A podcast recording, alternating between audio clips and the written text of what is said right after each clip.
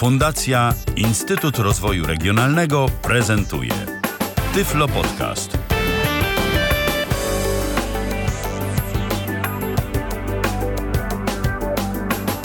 A skoro minęła godzina 19 i skoro mamy poniedziałek, to znaczy, że rozpoczynamy kolejne spotkanie z audycją Tyflo Podcastu na żywo, ale od tego tygodnia y, Tyflo Podcastu na żywo na antenie Tyflo Radia będzie więcej. Spotykać się będziemy w tym tygodniu w poniedziałek, y, spotkamy się także w środę, y, spotkamy się także w czwartek. Y, w środę y, opowiem o aplikacji Liar na system iOS. Bardzo, bardzo fajny czytnik RSS y, z kilkoma dodatkowymi interesującymi funkcjami. Natomiast e, mm, w czwartek audycja Alicji Witek, e, audycja nazywa się Babie Lato. Co to takiego będzie i o czym będzie ta audycja, to zapraszam bardzo serdecznie, aby słuchać nas w czwartek po godzinie 19, ale e, póki co skupmy się na tym, co mamy teraz, a mianowicie mamy poniedziałek. Skoro mamy poniedziałek, to technologicznie zrobi się na antenie Tyfloradia. Mm, technologicznie, nostalgicznie i wspominkowo, bo dziś będziemy przede wszystkim wspominać system, który kiedyś był bardzo popularny popularny. Ja kiedyś nawet spotkałem się z takimi opiniami, że w zasadzie no, ten system to jest jedyny słuszny system dla osób niewidomych, no ale jedyny słuszny system to tak samo jedyny słuszny ustrój. Też odszedł.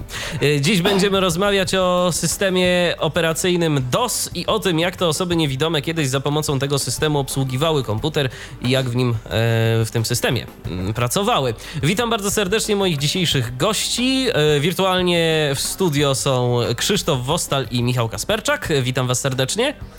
Dzień, dzień dobry. dobry. wieczór. Dzień dobry wieczór. Jeszcze dzień dobry tak naprawdę, bo jeszcze nam słońce nie zaszło. Za oknem się w końcu piękna wiosna pojawiła. Tak trochę szkoda, że po długim weekendzie, no ale pogoda złośliwą czasem jest, więc y, no trzeba jej po prostu to wybaczyć. E, w każdym razie, mm, tak, po, tak szczerze mówiąc, to powiedziałem, że witam moich dzisiejszych gości, ale pomysłodawcą tej audycji dzisiejszej to jest Michał, więc y, ja za zapowiedziałem, ja zrobiłem wprowadzenie, a teraz, y, Michale, proponuję, żebyś y, nieco powiedział tytułem wstępu, jeżeli chodzi o ten nasz dzisiejszy program. E, w tym roku to jest e, druga audycja z takiego mini nieregularnego cyklu dotyczącego historii tyfloinformatyki, e, który to cykl sobie troszeczkę tak na ten rok zaplanowałem. W styczniu mm, gościem Michała Dziwisza był dr Stanisław Jakubowski, który mm, opowiadał o początkach tyfloinformatyki, o tym jak to się wszystko tworzyło na świecie, w różnych instytucjach głównie drukarniach dla osób niewidomych, o pierwszych screenreaderach, pierwszych y, spolszczeniach syntezatorów i różnych adaptacjach y, technologicznych rozwiązań na polskie mm, potrzeby. Dzisiaj druga audycja i postaramy się przybliżyć Państwu system operacyjny DOS i może nie tyle system jako system w jakichś bardzo szczegółach mm, technicznych jego funkcjonowania, ile to, jak osoby niewidome kiedyś pracowały mm, na komputerze, wykorzystując właśnie system e, DOS. Znaczy osoby niewidome wszyscy kiedyś wykorzystywali system DOS, bo e, no, jeśli ktoś e, używa od komputera od kilku lat albo nawet od 10 lat, no to jest przyzwyczajony do okienek, jest jest przyzwyczajony do Windowsów. Do Windowsa y, teraz 8, y, 7, przedtem do Windowsa XP, Windowsa wcześniej 98, no już tam Windows y, Millennium pomińmy 95, no i przedtem 3.11. Ale przed systemem Windows był system DOS, na którym praktycznie niemalże cały świat y, pracował i y, to był system zupełnie inny od tego, co znamy teraz, bo pracowało się w trybie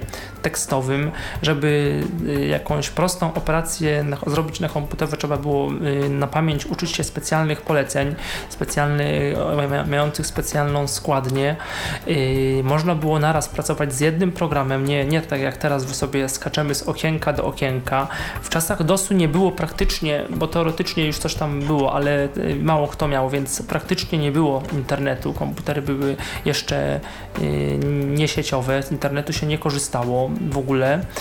Yy, także to były, to były zupełnie inne czasy i programów, yy, z których w ogóle można było korzystać było mniej, a osoby niewidome tych programów miały jeszcze mniej.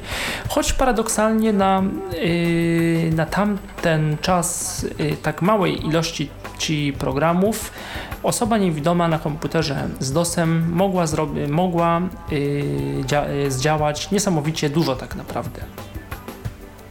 A czym to było spowodowane? Może jeszcze powiedzmy, mm, dlaczego akurat e, tak było, że tych programów było mało, ale jednak ten system dawał e, takie duże mm, i tak ogromne możliwości? Mhm, tak, po, po, pierwsze dlatego, że to była, e, że nie tyle system, ile komputer dawał niesamowite możliwości. To była, to była na tamte czasy rewolucja. Ja tego, no ja to stosunkowo, no może nie jestem miarodajny, bo, bo komputera zacząłem używać no, dawno, bo 20 prawie lat temu, w 94 roku, w 8 klasie klasie szkoły podstawowej, ale e, o tym mogą zaświadczyć osoby, które już były wówczas dorosłe, e, które, które wcześniej, e, wcześniej pisały, czytały tylko braillem, żeby, żeby coś przeczytać musiały prosić albo korzystać z tego, co było wydane w braillu, albo na kasetach w bibliotece centralnej Polskiego Związku Niewidomych, albo musiały, musiały po prostu prosić kogoś o nagranie, o przeczytanie jakiejś, jakiejś książki. Wtedy wtedy z tymi pierwszymi dosowskimi komputerami pojawiły się pierwsze jakieś tam skanery i możliwość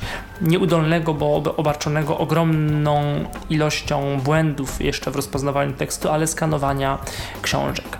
Biblioteka Centralna uruchomiła, yy, to, się, to się nigdy bardzo nie rozwinęła, ale około tysiąca pozycji tam było. Uruchomiła wypożyczanie na dyskietkach książek elektronicznych, które były wydawane równocześnie w Braille'u, czyli można było te książki z komputera czytać za pomocą syntezy mowej, mowy.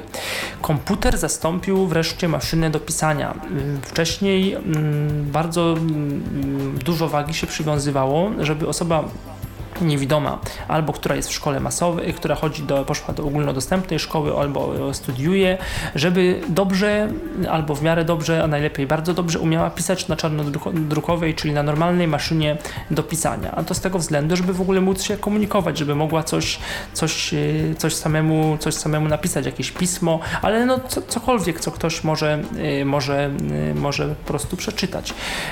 Kiedy pojawiły się komputery udźwiękowione, ten problem, ten problem zniknął, bo nie trzeba było Pomijam już, bo maszyna do pisania kojarzy się z uczeniem się na pamięć klawiatury maszyny, ale to, to, nie, nie, to, to, to problem był najmniejszy, ale, ale mm, ile trzeba było uwagi poświęcić, żeby się, żeby się nie zgubić, pisząc, pisząc na pamięć i w pamięci, nie, nie, nie mogąc tego przeczytać, mieć, trzeba było w pamięci to, co, to, co piszemy. Yy, tutaj, tutaj ten problem zniknął, bo na, na komputer nam mówił, yy, czytał to co, yy, to, co piszemy i mogliśmy mm, osoba niewidoma po raz pierwszy mogła y, samemu coś napisać i edytować y, tekst. Także... Ja pamiętam szkołę podstawową, czy, czy, czy szkołę masażu, najpierw szkołę podstawową w Krakowie na Tynieckiej, gdzie mieliśmy lekcje maszynopisania. To były po prostu lekcje, tak jak język polski, matematyka, historia, tak samo była lekcja maszynopisania. Mm, bardzo mi się to przydało w liceum masowym, do którego poszedłem w 1988 roku e, gdzie część wypracowań pisałem na, na maszynie czarnodrukowej. I później, mm, kiedy poszedłem po maturze do e, mm, studium masażu, to był rok 90 drugi, tak, 92 rok, e, to wtedy też jeszcze mieliśmy lekcję maszynopisma. I to, co mówiłeś, e, to, że nie można się pomylić, to, że e, trzeba uważać, żeby ta taśma była dobrze założona, ale te lekcje maszynopisma nam, który, którzy w tych latach zaczęliśmy przechodzić na pisanie komputer, na komputerze, bardzo dużo dało, dlatego że mm, klawiatura komputerowa w układzie QWERTY jest e, zbliżona do maszyny czarnodrukowej, maszyny do pisania. Więc rzeczywiście tak, no, to się, no, było, to, to było to podobne i tam się y, zdaje się kilkoma znakami różni. Taki najbardziej charakterystyczny to jest ta zamiana litery y, Y z literą Z, y, tak? Znaczy, tak, tam potem tam się dużo różni, bo Y z to oczywiście tak, ale potem te wszystkie znaki specjalne, czyli nawiasy Przede wszystkim polskie w ogóle nawiasy, no tak, po, oczywiście polskie tak, bo polskie nie, nie było z altem, tylko one były, to było poniekąd bardziej intuicyjne, tak jak jest na jakichś niemie, niemieckich albo innych klawiaturach, że EU jest obok L, czyli tam gdzie średnik i tam jeszcze kilka takich różnych, no a, a, a ale też nie było tych znaków komputerowych, że na przykład cudzysłów to była małpa, dwójka z shiftem, yy, nie pamiętam, tam ósemka, dziewiątka to było chyba trochę inaczej, bo nawias lewy, prawy to była ósemka, dziewiątka, yy, no tam to było, to było wszystko inaczej yy, gdzieś tam. Zresztą no to można sobie bardzo prosto przełączyć, bo w Windowsie jak ktoś tego nie wyinstalował dalej na klawiaturę maszynisty, maszynistki, jak to chyba było mówione, mm, można się, można się dalej, można się przełączyć po prostu. I ta klawiatura 214 maszynistki jest podobna, ale tak jak e, wspomniałeś, jest jednocześnie inna. Kilkanaście minut temu, czy kilka, wspomniałeś o tym, jak ty wyglądał ten DOS. E, ja chcę jeszcze jedną rzecz powiedzieć, bardzo ważną. E, wspomniałeś o tym, że niektórzy uważali, że to jedynie słuszny system dla, dla osób niewidomych, powiedziałeś Michale. Tak, wynikało to też z tego taki osąd, że w DOSie nie było myszki. Znaczy była myszka, którą można było coś tam zrobić. Można było jej używać czasami w jakichś grach, e, czasami w jakichś programach, ale zdecydowana większość poleceń wydawana była z klawiatury. I to nie tak jak teraz skrót klawiaturowy e, Alt F4, oczywiście też były skróty klawiaturowe tego typu, ale mnóstwo poleceń się pisało. Teraz nie wiem, na pendrive, wtedy oczywiście pendrive'ów nie było, e, naciskamy menu kontekstowe, wyszukujemy sobie formatuj, no i formatujemy, mamy oczywiście okienko, tam jeszcze parametry ustawiamy. E, wtedy pisaliśmy format, spacja, a dwukropek, enter. Można oczywiście było dać jeszcze jakiś tam slash i parametr. To wszystko trzeba było pamiętać. E, to niewidomym dawało e, komfort, komfort panowania nad komputerem, komfort tego, że, że się nie zgubią, że mm, wystarczy zapamiętać jakieś polecenia i, i można coś robić. I stąd tak to... myślę też wynikało to, to, to, ten przesąd, że to jest jedynie słuszny dla nas system. Ja myślę, że to, o tym powiemy jeszcze później szerzej, ale tak, yy, bo to no, trudno się dziwić. Jest tak, jak mówisz i potem w 95 roku pojawia się, yy, znaczy wcześniej wiadomo, był ten Windows 3.11, który gdzieś tam na świecie był udźwiękawiany, ale to takie było gdzieś tam, nikt o tym, mało kto jeszcze o tym wiedział. No ale pojawił się ten Windows 95, który już bardziej był ekspansywny, to już był taki pełnoprawny system, który przesłaniał yy, DOSa, to nie był taki dodatek jak ten Windows 3.11 y, czy tam 3.1 y, i nagle się okazało, że są jakieś programy udźwiękawiające Windows jak ten HAL 95 czy później Outspoken. No to można było się zastanowić, jak coś, co jest graficzne, ma obsługiwać niewidomy, osoba niewidoma, kiedy to są jakieś obrazki, jakieś strzałki, jakieś w ogóle coś, co się rusza, coś, co jest dynamiczne, coś, co jest kontekstowe, w sensie, że na ekranie mamy kilka rodzajów informacji naraz prezentowanych, no to nie da się tego dobrze, dobrze obsłużyć. I poniekąd, no była to prawda, tylko że nie pomyślano mm, albo jeszcze nie wiedziano o tym, że te programy czytniku, że czytniki ekranu dla Windowsa tak się rozwiną, że będą nam wszystko czytały, że y, informacja graficzna może mieć tekstowy podpis i że są w miarę standardowe kontrolki,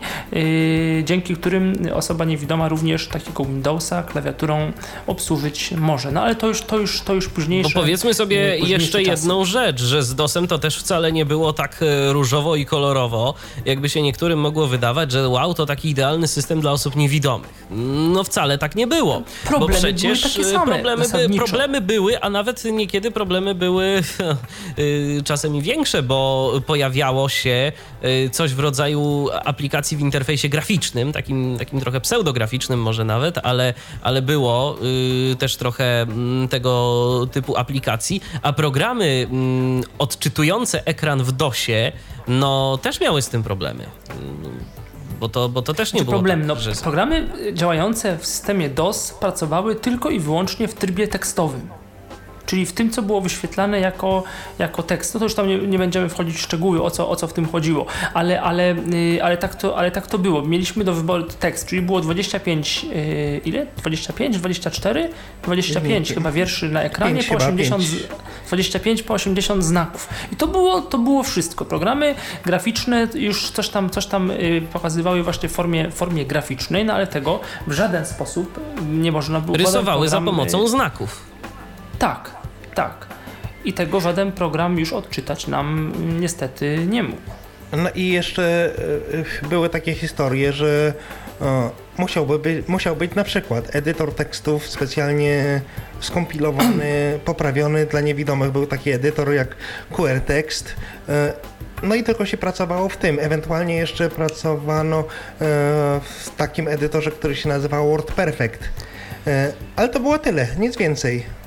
Tak, bo no to jak, potem też, y, jak, no no możemy, jeżeli mówimy o tych aplikacjach narzędziowych, użytkowych, no to, no to rzeczywiście y, był WordStar, był WordPerfect i był ten polski QR tekst, który ktoś, y, on na, na początku lat 90. był gdzieś tam używany, chociaż on się nigdy, mam wrażenie, do świadomości takiej masowej nie przebił, wręcz jego jakby bardziej takim programem używanym przez osoby widzące wtedy w Polsce był taki edytor, on działał w trybie graficznym niestety, ale taki edytor, który się nazywał TAG. Był taki, taki program kiedyś. I, y, a ten z tym QR tekstem, nie wiem do końca niestety, kto na to wpadł. Chyba, chyba po prostu jakoś Altix, y, ktoś z Altixu. I udało się mm, porozumieć y, z producentem QR teksta i ładnie, ten program nam bardzo ładnie udźwiękowić. Powstał taki moduł, mm, który go udźwiękawiał, się nazywał Rez. No to też potem zaraz o tym powiemy, kiedy będziemy oma- omawiać screenreadery dla DOSa. I on właśnie dzięki, dzięki niemu osoba nie y, on, on jakby w pełni udźwiękawiał QWERTEX, ten QWERTEX się stał takim programem, jak teraz się mówi, y, self-voicing, samo y, udźwiękowionym sam, sam był, był udźwiękowiony sam z siebie, o tak. Ja jak jeszcze na początku mówiłeś o, o, o historii, zaczynałeś mówić o, o tym, jak wyglądała praca w DOSie, że, że polecenia, że nie myszka, że nie okienka, to ja powiem coś, co napawa mnie tak, taką nostalgią, czyli dyskietki. Jak tak wyjmuję dyskietkę, a mam tych dyskietek jeszcze troszkę i nie wyrzucę ich, to tak wyjmuję tę dyskietkę i z nostalgią patrzę, że na tej dyskietce zmieściło się 1,44 mega albo 720 kilobajtów albo 360 i, i, i, i że to trzeba było zwykły plik tekstowy, czasami na dwóch, trzech dyskietkach e, spakować, podzielić, żeby to po prostu przenieść do kogoś. To jakąś ta dyskietka nostalgię we mnie budzi. To się zgadza, no bo kiedyś rzeczywiście były duże problemy z przenoszeniem wielkich plików, ale powiedzmy sobie też szczerze, wielkich plików nie było. Bo do czasu wynalezienia mm, przez Instytut Fraunhofera formatu MP3 y, to w zasadzie muzyki się na komputerach raczej nie przechowywało. No chyba, że mm, były to stacje radiowe, dajmy na to, y, one przechowywały mm, swoje zbiory w plikach y, WAVE, mm, czyli w plikach nieskompresowanych, albo, i to jeszcze taką ciekawostkę od razu powiem, były też niekiedy zbiory zapisywane w y, plikach MP2. Z tym, że y, te pliki MP2 były dekodowane przez zewnętrzne karty. To znaczy, karta mm, y, dźwiękowa miała w sobie procesor, i ten procesor zajmował się dekodowaniem y, sygnału audio. Nie był za to odpowiedzialny procesor komputera, w związku z czym, jeżeli mm, system nam się zawiesił, co nie należało przecież do rzadkości, to y, te pliki mogły być odgrywane, odegrane do końca, można było sobie ten komputer spokojnie zrestartować, wrócić do programu i kontynuować pracę. To tak, y, to taka dygresja dźwiękowa. A to MP2, a to jeszcze tylko dygresja, a to MP2 można było czymś poza tym odtworzyć i No tak to po prostu? MP2 to jest MP2 to jest y, nadal popularny, nadal popularny format, y, szczególnie gdzieś tam właśnie w, w stacjach radiowych, y, czy na przykład y, w różnego rodzaju kodekach, jak na przykład dosyłane są programy radiowe za pomocą transmisji satelitarnej, to, to też jest używany MPEG drugi. Także, także ten format cały czas jest gdzieś tam używany, ale wcześniej no to były przede wszystkim zbiory nieskompresowane, czyli, czyli po prostu PCM-y, pliki WAVE. Wave albo jeszcze też gdzieś tam mam na starych e, dyskietkach e, pliki z takim rozszerzeniem BAL, BAL, albo z takim rozszerzeniem jak MOD, może mody jeszcze troszeczkę są znane. I te mod y, pliki były przynajmniej ja takie pliki posiadałem, które oprócz tego, że miały dźwięk, można było na ekranie wyświetlić e, wykres, wykres dźwięku tych, tych plików, ale oczywiście też trzeba mieć było do tego odpowiedni e, odtwarzacz. W ogóle pliki Pamiętam mod, też... w ogóle pliki mod to jeszcze y, to są, to są pliki, które nie tylko pamiętają DOSa, ale też i wcześniejsze komputery, y, chociażby takie jak Amiga. No, sporo modów y, tworzyło się na Amidze. E, w tych, e, za pomocą tych programów, tych tak zwanych trackerów. Przepraszam, bo ja nie, nie wiem, mody to były, co to były? To były takie coś jak pliki MIDI, powiedzmy? Coś jakby, muzyczne. tylko tam można tak było też dodawać, typu. tylko tam też można było dodawać sample. Yy, zresztą sample można było dodawać już od dawna, bo nawet i na mm, takich komputerach jak Commodore 64 można było do plików SID, bo to wtedy były SIDy, dodawać sample. Yy, oczywiście te sample były fatalnej jakości i tam była ich ograniczona ilość, którą można było sobie dodać. Natomiast no, jak ktoś miał fantazję i jak ktoś potrafił yy, sobie poradzić z tym, co miał, a tam miał kilka generatorów yy, fali o różnym kształcie, yy, no i jeszcze możliwość zapisu tych sampli w, w podłych jakościach yy, i niewiele pamięci do dyspozycji, to naprawdę małe arcydziełka muzyczne powstawały. A czym to się odtwarzało? To się odtwarzało. Mm, były aplikacje do odtwarzania y, tej muzyki. Ja to, ja to szczerze mówiąc już pamiętam, przede wszystkim mody to pamiętam już z czasów Windowsowych. To chociażby y, najpopularniejsze odtwarzacze muzyczne, takie jak y, Fubar, y, potrafią to otwierać, Winamp, no tak, no Winamp też. Mhm. Natomiast y, SIDy to ja pamiętam jeszcze za czasów y, mojego pierwszego komputera, czyli Commodore C64.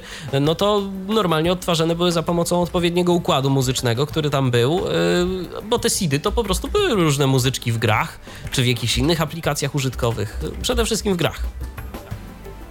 E, chłopaki, tak rozmawiamy, słuchacze nas słuchają, e, łezka w oczach się kręci. A jak zaczęliście to z tymi komputerami i tą, tą waszą przygodę? To może Michale K. z Poznania. Dobrze. E, przygodę swoją z komputerem rozpocząłem, tak jak już wspomniałem na początku, we wrześniu, w 94 roku, czyli prawie 20 lat temu, we wrześniu. I yy, początkowo to były zajęcia komputerowe prowadzone w takiej już nieistniejącej fundacji yy, Fundacji Pomocy Dzieciom Niewidomym. Te zajęcia mm, prowadził taki pan obecnie doktor habilitowany astronomii, czyli nie jakiś w sumie taki informatyk, chociaż on też tak wykorzystaniem informatyki w astronomii się zajmuje. Się nazywał Piotr Dybczyński z, Instytutu y, chyba, nie, z, obserw z Obserwatorium Astronomicznego UAM-u i on, nie wiem do końca jak to się stało, że po prostu jego zatrudniono do, do pracy. Y, on nie miał wcześniej do czynienia z osobami niewidomymi, ale się dosyć tak, mm, można powiedzieć, y, zaangażował zaangażował merytorycznie i całkiem dobrze te zajęcia, no przynajmniej z mojej perspektywy, bo różnie, różnie mówiono, no ale to wiadomo, różne głosy, yy, z mojej perspektywy te zajęcia dobrze, dobrze przeprowadził. No i on nas uczył głównie DOSa, i to było takie trochę nudne, znaczy to było, z jednej strony to było sensowne, bo dawało bardzo solidne podstawy takiej metodycznej mm, pracy yy, i takiego uporządkowania, o czym o, o, tym zaraz powiem więcej, ale było to takie mm, czasami drętwe i nudne, no bo mm, trochę tak jest, trochę tak było z tym DOSem, że no ile można było pisać jakieś w kółko polecenia, kopy, dir, się bawić tym, to taka trochę sztuka dla sztuki się zdawała. To, yy, dziś, dzisiaj zupełnie nie, ktoś, kto ktoś, kto od kilku lat y, używa komputera albo mm, działa, y, korzysta ze współczesnych smartfonów, zupełnie nie jest sobie tego w stanie wyobrazić, bo tam y, no teraz jest tak, że mm, ważne jest to, co chcemy zrobić, mniej niż jak to robimy, a tam, tam było odwrotnie i jakby bohaterem był nie nie, bohaterem było nie nasze działanie, tylko jakby głównym na plan pierwszy wysuwał się komputer, system operacyjny, polecenie HWDS osobna, które można pisać tak, a nie inaczej, które działa tak, a nie inaczej. Kiedy się pomylimy, to piszemy 40 ileś znaków, naciskamy, coś był błąd, naciskamy Enter, wszystko źle, piszemy od nowa, bo tam e, trudno, e, edycja, przy pisanie poleceń dosowskich to była, tam nie było takiej możliwości prostej edycji tego, co napisaliśmy. Znaczy, było i nie było, to też, e, też gdzieś tam mogę zaraz, mogę zaraz rozwinąć.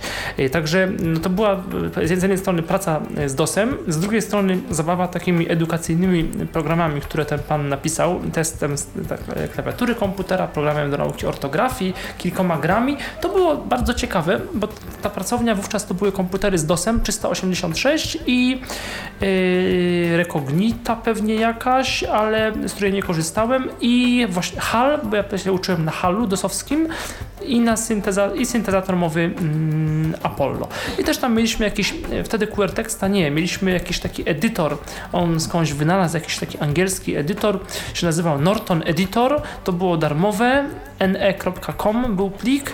I to był taki bardzo prosty edytor po prostu plików tekstowych, trochę lepiej działający niż ten edit dosowski, bo edit dosowski miał problemy z kursorem w sensie, że on nie miał standardowego kursora, a tamten miał, no ale to, a, i tam specyficzna była obsługa, bo yy, klawisz się naciskało klawisz funkcyjny i jakąś tam literkę wtedy coś się robiło. Tam było tak, że na przykład klawisz F3 to były opcje e, zapisu pliku.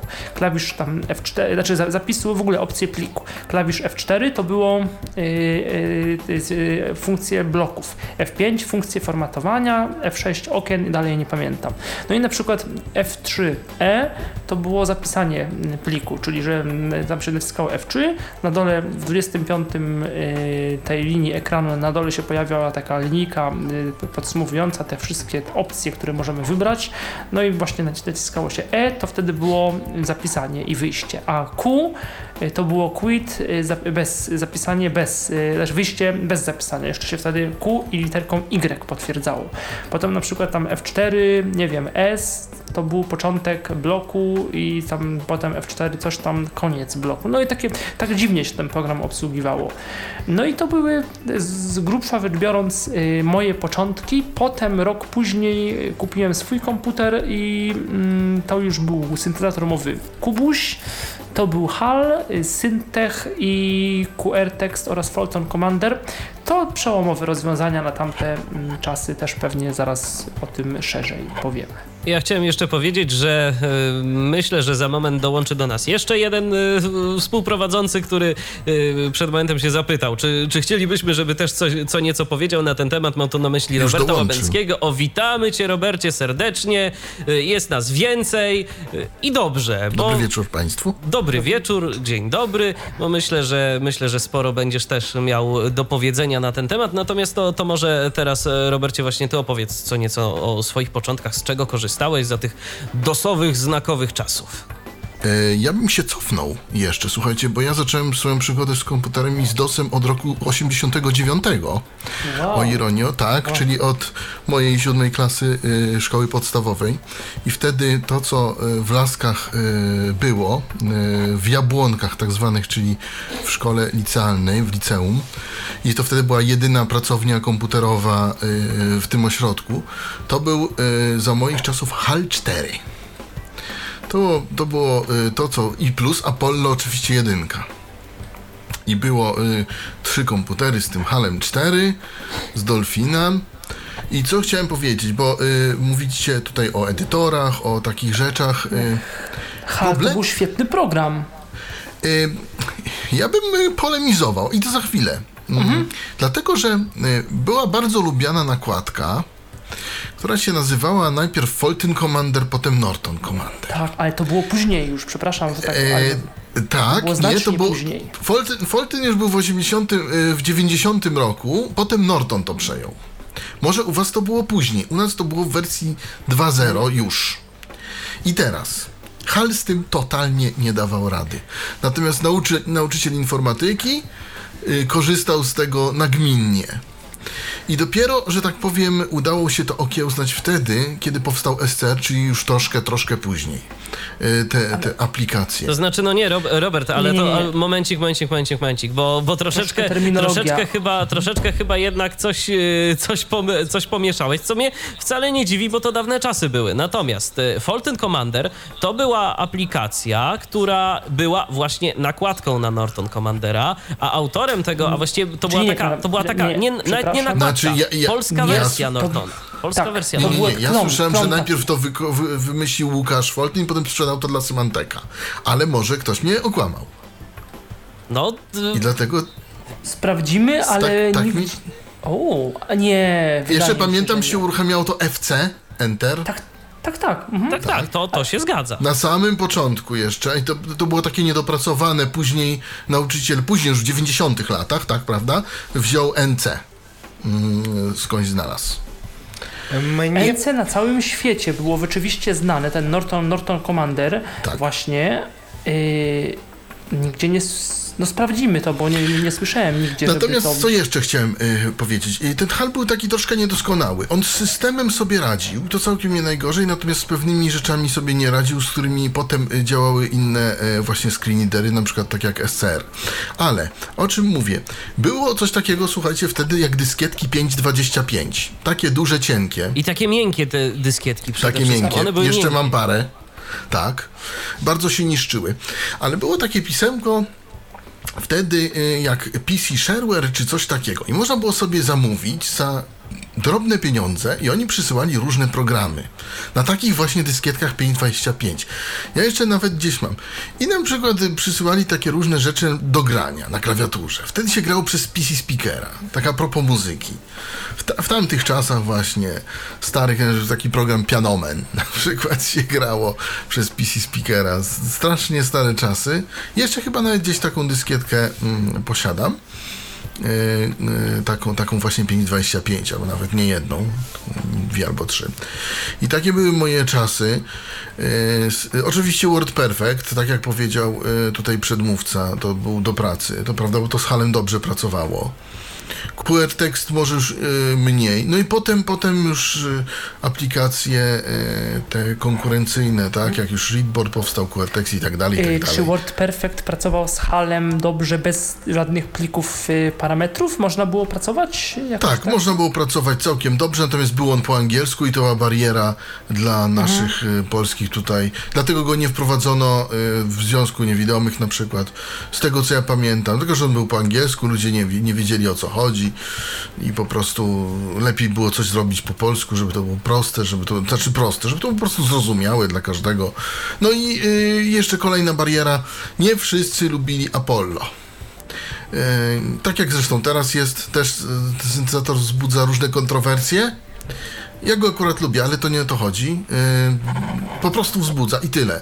I wtedy jakby też e, te czasy były, A to- też późniejsze, Ja późniejsze zapytam, a jakie Tak, tak? były wrażenia, no bo mówisz, że u was tam w Laskach y, był syntezator mowy Apollo i HAL i potem no, y, pojawił się y, Readboard y, i Tak, a to już syntezator- później. Najpierw był właśnie ten HAL i Apollo. Tak, tak, właśnie, 89. rozumiem. Właśnie chodzi mi o to, że jak się pojawił ten readboard, ta synteza, synteza, synteza y, właśnie readboard i screenreader readboard, to jakie były wrażenia, jeżeli chodzi o porównanie, y, wiadomo, że to trochę rzecz gustu, ale z jednej strony porównanie właśnie y, z Apollo z tą syntezą, y, syntezą readboard i, z, i, samego programu readboard, co było bardziej stabilne i co, co oferowało y, na początku przynajmniej, y, co było lepsze w y, konfiguracji i w pracy, czy HAL, czy program readboard. Powiem tak, e, według mnie lepszy był HAL, ale ale wtedy kiedy był już Readboard, to już był już HAL 5 i, i, i potem już HAL tam 90 y, coś tam. E, to już było później troszeczkę, bo ten Readboard się jednak pojawił później. Natomiast HAL był o tyle lepszy, dlatego że Readboard musiał czekać na... Op- Załóżmy, p- coś pakowaliśmy i na przykład było pakowanie części pliku i Readboard mówił na przykład 1%, tak, czy tam 1%, pro- 1% na przykład i wtedy wszystko stawało, bo Readboard musiał powiedzieć 1%. I to tak szło. Natomiast HAL jakby to rozdzielał, ym, że tak powiem, niezależnie. On miał, ten syntezator miał swój bufor, on tam ładował do tego swojego bufora, dzięki temu to na przykład wszystko się ład, y, pakowało szybciej, Tak, bo, rozpakowywało bo i tak Apollo dalej. to tak był syntezator, może dlatego, że Apollo to był syntezator sprzętowy, a Readboard Tak. on jednak, y, ta nakładka, to tam on był, on był taki sp- sp- sprzętowo-programowy. Tam, było, Tak, tam mowa tak. była generowana programowo, a ten Przez Kovox kom- to służył tylko jako taka karta muzyczna. Tak, tak, tak, dokładnie. Przez tego Kovoxa też można było wspomniane mody, y, że tak powiem. y, Odgrywać. Odgrywać, tak. Był taki program ModPlay, tam można było tego Kovoxa ustawić na przykład. No w każdym razie nie, ja wolałem, y, ja wolałem Hala, dlatego że to po prostu było zdecydowanie szybsze, a wtedy pamiętajmy, system, komputer był tylko jednozadaniowy. Jak coś się rozpakowywało, to już nic innego nie można było zrobić. Tak samo jak się coś pakowało, a trwały te, te procesy jakiś Tym czas. To bardziej, jeżeli to, że- się to zgrywało na dyskietki, bo przecież te dyskietki Dokładnie. to też był wolny strasznie zapis. Tam zanim się coś zapisało, to się trzeba było naczekać. I jeżeli jeszcze była kompresja, Ale dyski, dyski też były Dyski wolne też, wtedy. Były oczywiście. Dyski, ten 40 megabajtów, dysk 30 megabajtów, tak? Oj, Takie ale to- pojemności były a- Ale to już, to, tak, ale to już gdzieś tam 30, 40, to już tak gdzieś myślę połowa, a nawet później lat 90., a Tak, w tych latach, tak, e, tak, od początku 89, 90, to był dopiero gdzieś, to jeszcze był DOS 4.0 Tak, i to dokładnie, jeszcze, I to dokładnie. jeszcze nawet on dyski obsługiwał 320. chyba do 2 mega bodajże. Ty- Nie, nie, e, był, był, ja pamiętam, było sie- 7 megabajtów dysk e, w Jabłonkach. Akurat na tym komputerze, którym pracowałem. Pamiętam, czasami s- trzeba było robić RAM drive'a, coś takiego, co teraz się praktycznie tego nie robi, RAM drive, czyli, czyli tak jakby dodatkowy dysk w pamięci. w pamięci operacyjnej, tak. Dobrze, to Krzysztofie, to może teraz ty opowiesz nam nieco o swoich początkach y, z DOSem. E, Moje początki z DOSem były datowane na rok e, 93, czyli 11 lat właściwie po pierwszym oficjalnym e, DOSie, bo pierwszy DOS e, 1.1 został wydany w 1982 roku. E, ja w 1993 roku e, mogę tak powiedzieć, zos- zostałem usunięty ze szkoły masażu. E, I, I co tutaj robić w życiu z sobą nadal? Jestem niewidomy, to był 93 rok. E, Nie było doradców zawodowych, nie było doradców, pedagogów szkolnych. I co tu z sobą ro- robić? Właściwie jedyne dla niewidomych coś to było masaż. Więc co? Będę ten masaż robił, spróbuję ponownie. E, a tutaj kolega mi powiedział, że otwierają szkołę informatyczną. Wprawdzie to dla niepełnosprawnych ruchowo, ale on tam próbuje, on był słabowidzący. No i ja też spróbowałem. I chodziłem do klasy z niepełnosprawnymi ruchowo, czyli to były osoby e, widzące. Nas, osób z niepełnosprawnością wzrokową, było tam trzy osoby, wszyscy byliśmy słabowidzący. I Ja coś tam widziałem. Jeździłem nosem po ekranie. Mm, bardzo często musiałem więc drapać się po tym nosie, że tak brzydko powiem, oblizywać, no bo nie wiedziałem, e, nie wiedziałem, czy, czy e, on tam jest ta kropka, czy nie, więc palcem jakoś sobie tam tą kropkę e, i śliną zdrapywałem, e, więc w ten sposób jeździłem e, i czytałem. I na początku nie mieliśmy komputerów, dopiero komputery gdzieś w grudniu 93 roku do nas do szkoły trafiły, więc uczyliśmy się najpierw tylko teoretycznie. Zajęcia były prowadzone przez informatyka widzącego zdrowego, który nie był w ogóle przygotowany do pracy z osobami niewidomymi, no bo szkoła była dedykowana jednak osobom niepełnosprawnym ruchowo. Natomiast miał pan bardzo dużo chęci i tak samo szkoła miała bardzo dużo chęci do wsparcia nas, osób, słabo, osób słabo, słabowidzących, więc zakupiono nam readboardy, zakupiono nam Lunara. Lunar e, dla DOS, e, program powiększający, no i w ten sposób sobie mm, radziłem. Pracowaliśmy e, też z Nortonem Commandorem. Norton został wymyślony przez pana, który na imię miał Peter.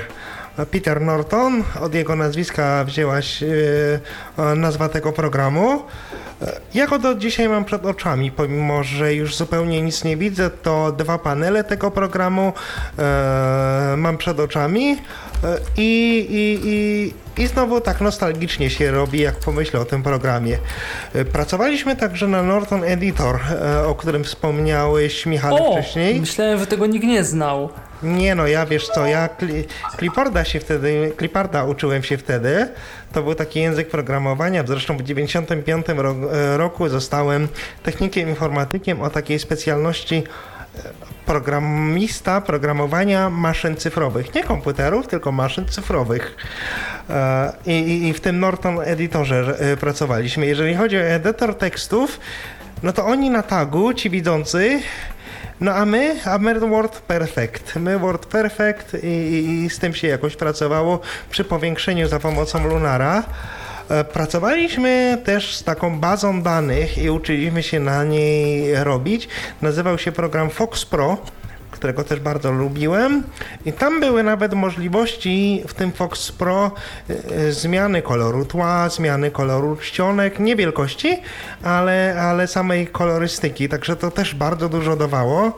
E, No i oczywiście pracowało się, pracowało się z klawiaturą. Sam Lunar, z tego co pamiętam, bo oczywiście 20 lat w tym roku to już troszkę umknęło mojej pamięci, ale sam Lunar miał możliwości podzielenia ekranu na cztery części. Eee, tak jakbyśmy mieli ekran monitora i zrobilibyśmy krzyż po prostu. Były cztery pola. Eee, można było się przełączać pomiędzy tymi polami. Bardzo fajną funkcją, której bardzo często używałem, była możliwość zamienienia tekstu ekranu, e, żeby była wyświetlana w postaci tylko jednej linii, która przesuwała się na ekranie przed naszymi e, oczami. E, Można było regulować w tym lunarze wielkością czcion- czcionki, można było regulować e, kolorystykę. E, No i nie za, nie za niewiele więcej e, można było robić. Przynajmniej ja nie pamiętam, co można było więcej e, robić. I w 95 roku przed Windows 95, a ja poszedłem do pracy, do Domu Pomocy Społecznej, tam zostałem informatykiem, a 95 rok to był informatyk, człowiek od wszystkiego, guru.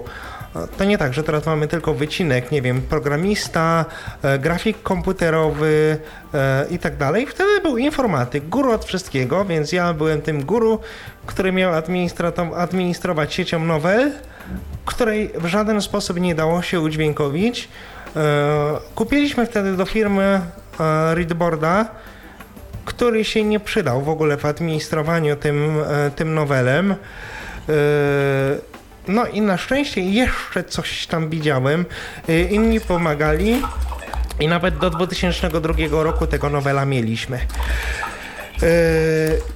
Jak mówimy o dyskietkach, warto wspomnieć, bo tam mówiliśmy o pakowaniu plików, o dzieleniu plików, że Windows 95 był bodajże na 40 dyskietkach. I to się wkładało, instalowało, wyjmowało dyskietkę, wkładało następną. A jak się jedna ze środka uszkodziła dyskietka, to było ciekawie. Tak. To było bardzo ciekawie. E, I takie Natomiast- to były moje początki komputerowe. Ja jeszcze zapytam, y, o, o te- a ten, y, to mnie tak troszkę zainteresowało, ten Fox Pro, to, to, to było dostępne dla Readboarda? Znaczy, czy to czegoś Nie, było to specjalnie? nie było dostępne dla Readboarda, to tylko z Lunarem sobie radziłem. Aha, czyli to jakby bardziej tak z perspektywy osoby słabowidzącej jednak, gdzieś Tak. tam rozumiem. Tak. Natomiast- Natomiast e, e, z Readboardem, no to pracowałem przy czytaniu jakichś tekstów, przy pisaniu poleceń. Jedno z moich ulubionych poleceń, jak mi się nudziło, to było dir spacja slash s jak Sabina i powodowało to, że po prostu zawartość dysku leciała sobie przez ekran, Slash literki, S, tak, co, a co mogliśmy to było? patrzeć. Slash S to było, że... E, dir e, slash Tak, tak. s, czyli Tak, tak. Czyli mogliśmy wyświetlić zawa- zawartość naszego dysku, ka- podkatalogi, pod, e, wtedy były e, katalogi, e, więc podkatalogi łącznie z zawartością plików, z ich wielkością, z rozszerzeniami, z datami Mhm. i tak dalej, więc tych ekranów było mnóstwo, mnóstwo i to sobie Tak. tak, leciało, leciało No można było, to, on to nawet ładnie czytał, jak to się przewijało, natomiast można było użyć parametru slash p, który powodował, Tak, że on y, ek, ekrany tak, i się klawisze, tylko cofnąć już nie można było, tylko w jedną stronę jakby. Tak. No albo przekierować, że dir, znaczy jak ka- każde polecenie spacja, znak większości nazwa pliku i, I do pliku, tak. To, do pliku. to zresztą teraz jest nawet y, przydatne w dobie Windowsów, jeżeli czasem ktoś korzysta z tak zwanych plików wsadowych, ale Robercie, bo już któryś raz y, chciałeś coś powiedzieć, to, to już zaraz oddam ci głos, ale jeszcze zanim to zrobię, to mm, taka informacja dla naszych słuchaczy. Jeżeli chcecie, to dzwońcie do nas, bo jesteśmy do waszej dyspozycji, jesteśmy online, jak to się ładnie mówi. E, 123 834 835 to jest nasz numer telefonu. Jesteśmy także na Skype'ie, a nasz login to tyflopodcast.net. Piszemy tyflopodcast.net. Jeżeli chcecie razem z nami gdzieś DOSa powspominać e, albo y, zapytać może o coś, bo, bo może byście chcieli powrócić gdzieś do tego DOSa, gdzieś się pobawić, bo można jak najbardziej na maszynach wirtualnych. E, Także jeżeli mielibyście ochotę o coś zapytać, to prosimy do nas dzwonić. A teraz Robercie, już y, oddaję ci głos. E, Ja adwocem e, Krzysztofa e, chciałem zapytać, ponieważ ja wiem, że Novel Network 4.0 4.0 chyba, jeśli nie mylę. To był rok u nas, właśnie w tych wspomnianych jabłonkach, rok 95 albo 6, żeby, żeby nie tak, ale bodajże 95. Był udźwiękowiony przez właśnie Hala, tylko którą wersję to już nie pomnę, ale na pewno nie Hala 4, tylko już późniejszy, któryś Hal. I e, ja pamiętam, że to jakoś działało. Też był, e, bo mm, w międzyczasie, słuchajcie, powstał też e, niejaki syntezator SMP. Już to było, to było, mm, to były To jego może- takie próbki, takie, takie To ja nieuda, może- nieudolne w wersji pierwszej. Ja pamiętam, że nam e, państwo z Instytutu Cy- Biocybernetyki przysłali pierwszy egzemplarz tego syntezatora do testów. Mi się to z początku nie podobało, bo on był taki, on nie był taki fleksyjny, nie był taki responsywny jak, jak HAL, prawda, jak, jak Apollo i tak dalej. Nie, nie, był taki, nie był taki dobry.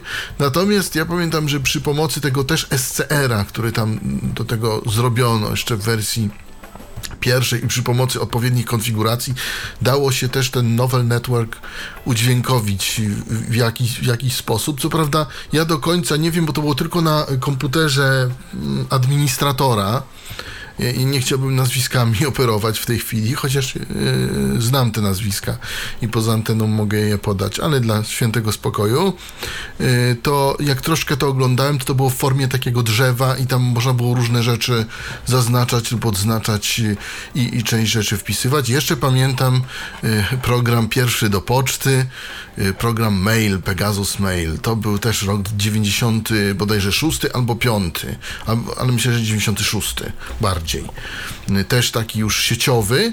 Y, Pamiętam, myśmy tylko między komputerami sobie pocztę wysyłali wtedy. y, Między tymi trzema, które tam były, bo internetu jeszcze wtedy nie było. w acz- trybie DOS ciągle. W- Mówimy tak, w trybie DOS tak, oczywiście. tak, tak. W trybie DOS. Natomiast na Uniwersytecie Warszawskim, już w Centrum Niewidomych i nie, w tak, w tak zwanym Ciówie, w Cninie, internet już był. Najpierw były sześć- 64 megabity. y, n- y, Kilo- nie, kilobity, Kilobity, Robercie, tak, 64 kilobity. kilobity łącznie. Tak, Megabity? tak, tak. Megabity to mi byśmy się cały czas miesza. Tak, dokładnie. A potem były y, 4 megabity łącza, pamiętam. No później to już się diametralnie wszystko zwiększyło. Jeszcze pamiętam, pracowało się na, na mm, takim czymś jak gofer. Bo, wtedy nie było takiego czegoś jak www, to znaczy www raczkowało, był mozaik na Windows właśnie 95 i Windows 3.11. Ostatnio właśnie, Windows 3.11. ostatnio właśnie e, www obchodziło swoje dwudziestolecie. Y, W internecie można było zobaczyć, y, ja szczerze mówiąc tego nie oglądałem, ale o tym czytałem, jakoś, jakoś y, nie, nie zagłębiłem się w tę pierwszą stronę www, ale jest, jest, można sobie zobaczyć, można sobie obejrzeć, jak też wyglądała pierwsza strona internetowa. To jako taką ciekawostkę y, jeszcze podam. I wtedy właśnie, dopóki nie powstał w sumie Internet Explorer, to ten e, internet e, dla niewidomych był dość ciężko dostępny. Można było go próbować, ten, ten, to www przez e, takie coś jak Netscape Navigator lub Links e, próbować poznać, to nie do końca. No ale to już mówię, to już tak, o, o ale czasach przepraszam, ale przepraszam bardzo, ale Netscape Navigator to już są czasy Windowsa. Czy ja się Tak, tak, tak, tak, to już są czasy W Windowsa. DOSie, w Natomiast DOSie to jedynie był taki program Net, NetTamer. Nettamer, tak, przede wszystkim, Net- przede wszystkim Nettamer. Links zdaje się też, ale mi też to, się, był, bardziej, też mi to się bardziej kojarzy z Linuxem, szczerze mówiąc. Tak, mi to też, prawda. Natomiast tak. był, był, był Linux. Natomiast ja mówię dlaczego, bo, wy, bo, bo, bo na przykład Krzysztof powiedział o Windowsie 95, a ja mówię jeszcze o Windowsie 3.11, który był przed Windowsem 95, który był po DOSie. Po DOSie bodajże 7.0, który...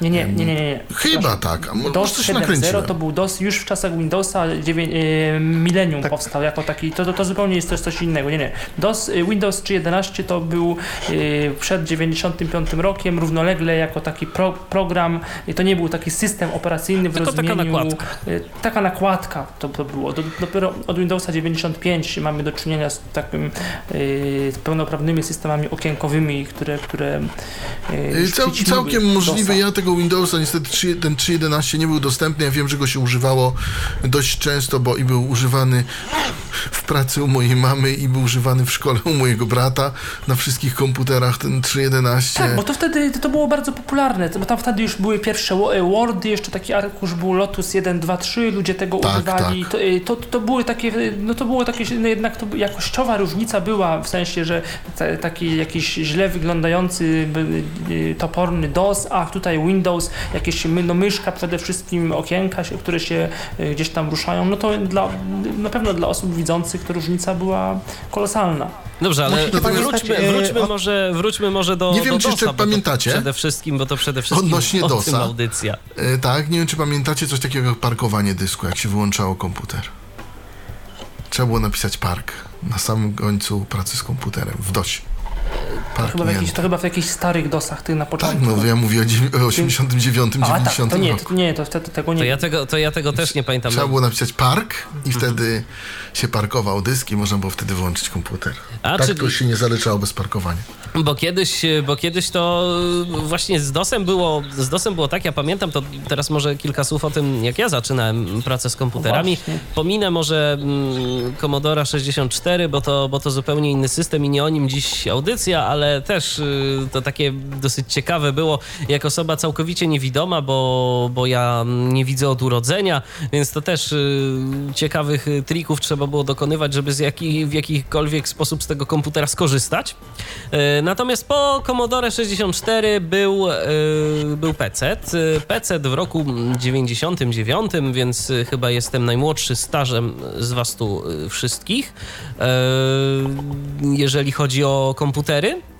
Bo to był mój pierwszy PC, to już były czasy Windowsa, ale jeszcze załapałem się na mm, końcówkę DOSa.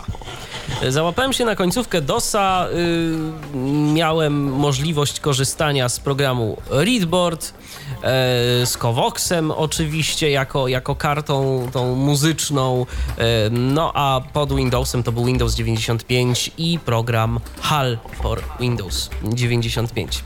E, I teraz tak, e, ja z DOSa e, pamiętam przede wszystkim mm, Fulton Commandera, program QR Text, i szachy mówiące. To są, to są moje wspomnienia z DOSa.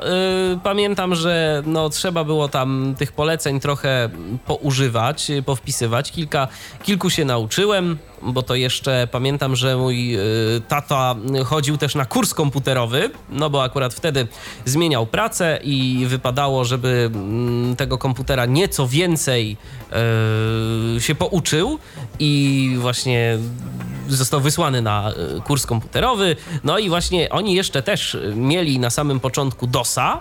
Mm, Czyli bawili się tam w tworzenie katalogów, bo to takie chyba było najbardziej popularne y, ćwiczenie na dobry początek, bo trzeba było się zaznajomić w ogóle ze strukturą danych na dysku. I było, że dyski można formatować, przede wszystkim najbezpieczniej robić to z dyskietkami, na których nie ma żadnych istotnych danych. No i tworzyło się różne katalogi i pliki, i tam się później kopiowało, przenosiło między katalogami y, te pliki i tak dalej, i tak dalej. Polecenie, jakie to było? R, y, R, y, kasujący RD. katalog? RD. E, Ale, kto- ale katalog musi być pu- Musiał y, być pusty, Katalog musi tak. być pusty. musiał być A pusty. pełne się można, a pełne nawet nie wiem jak, czy można, nie no można było, ale to później jakimś kasować, nie, nie wiem jak to, nie pamiętam teraz nawet. No A właśnie. nie RD odstęp S, jak subdyrektory? Mm, No, szczerze mówiąc, nie będę, nie będę tu strzelał teraz. Nie będę strzelał, bo, bo, bo ja nie pamiętam, pamiętam właśnie te... Wiem, że pliki to del, No tak, No tak. pliki, pliki gwiazdka, to... Te, kropka, gwiazd. no, O, i to właśnie, był dobry gwiazdka, sposób. To był dobry sposób na, na pozbycie się y, plików. No, najbardziej skutecznym sposobem było sformatowanie dysku, ale to, to już inna bajka. No i właśnie ja pamiętam tego m, Norton Commandera, e, a właściwie Fulton Commandera, który miał, no, jak na, tamte, jak na tamte czasy całkiem ciekawe funkcje, bo tam był y, już, a przypomnę, to był rok 1999, był jakiś packer, mm, tam był zip, jak dobrze pamiętam. E, I ARJ. I ARJ, tak, jeszcze był ARJ, dokładnie. E, Był Chociaż nawet też to- jakiś... Był nawet jakiś program antywirusowy, to chyba na bazie MKS Vira.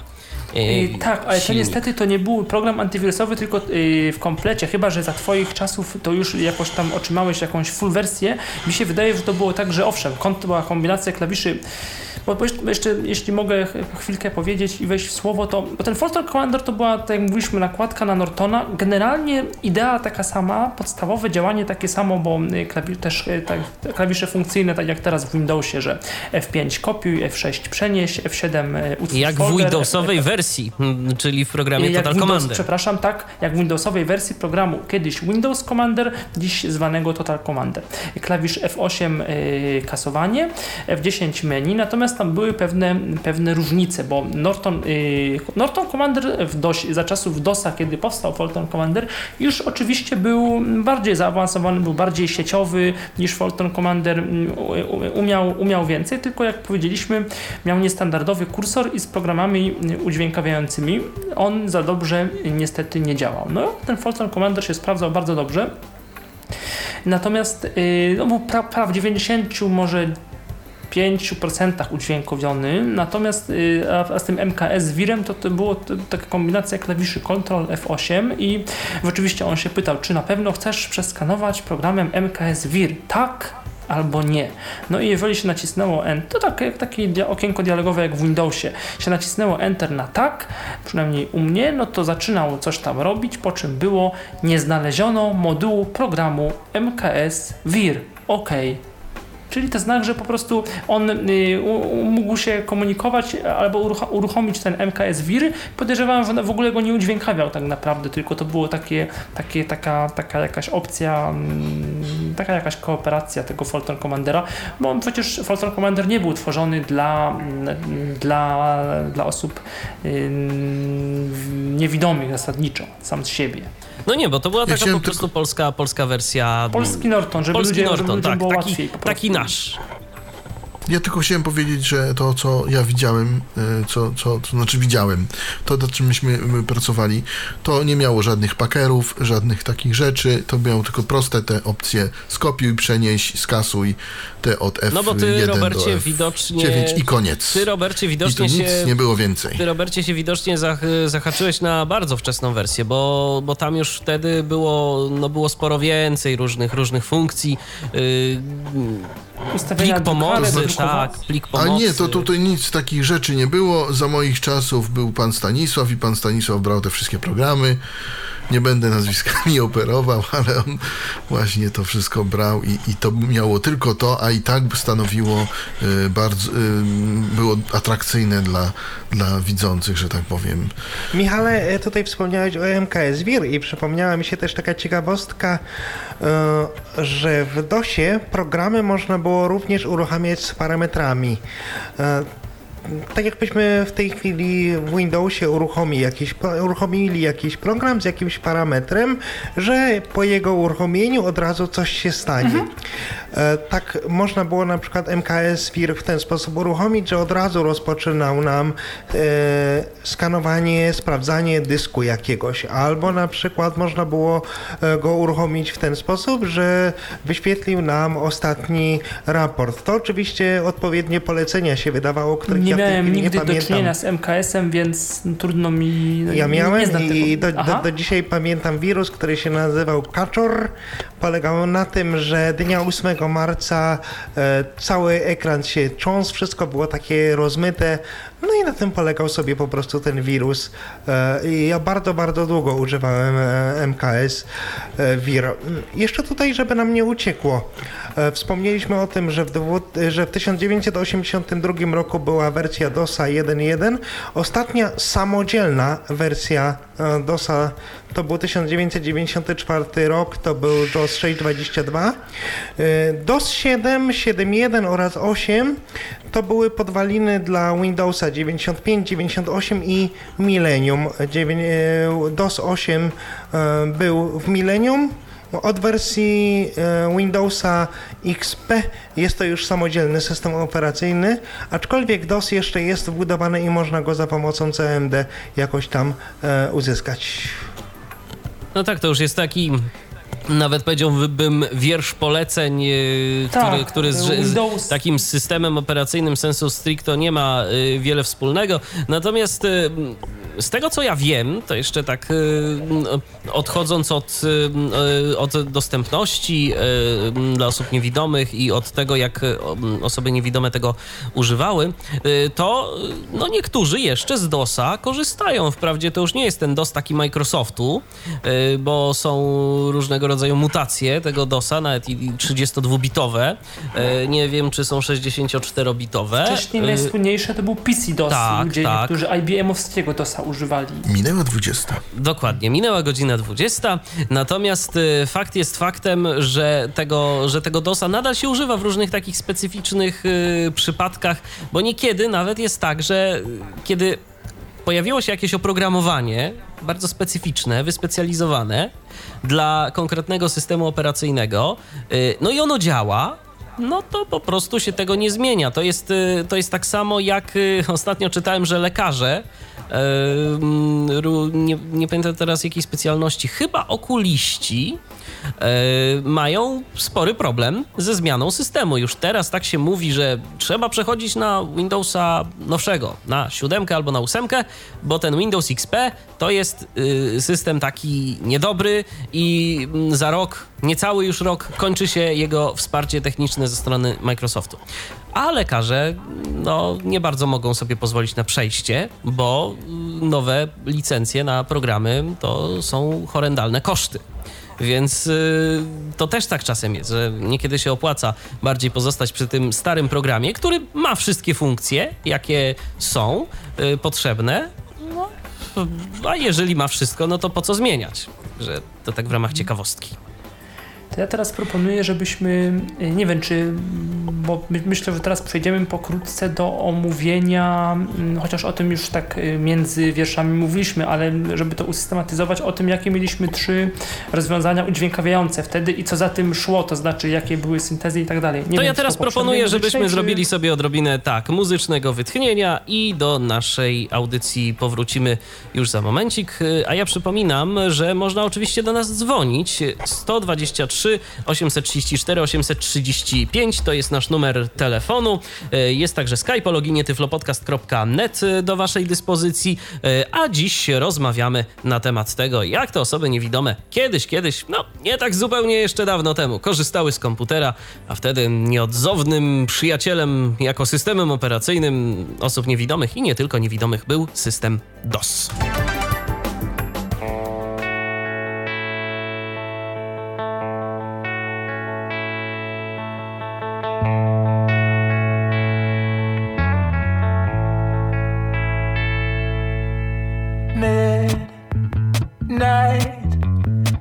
flashed.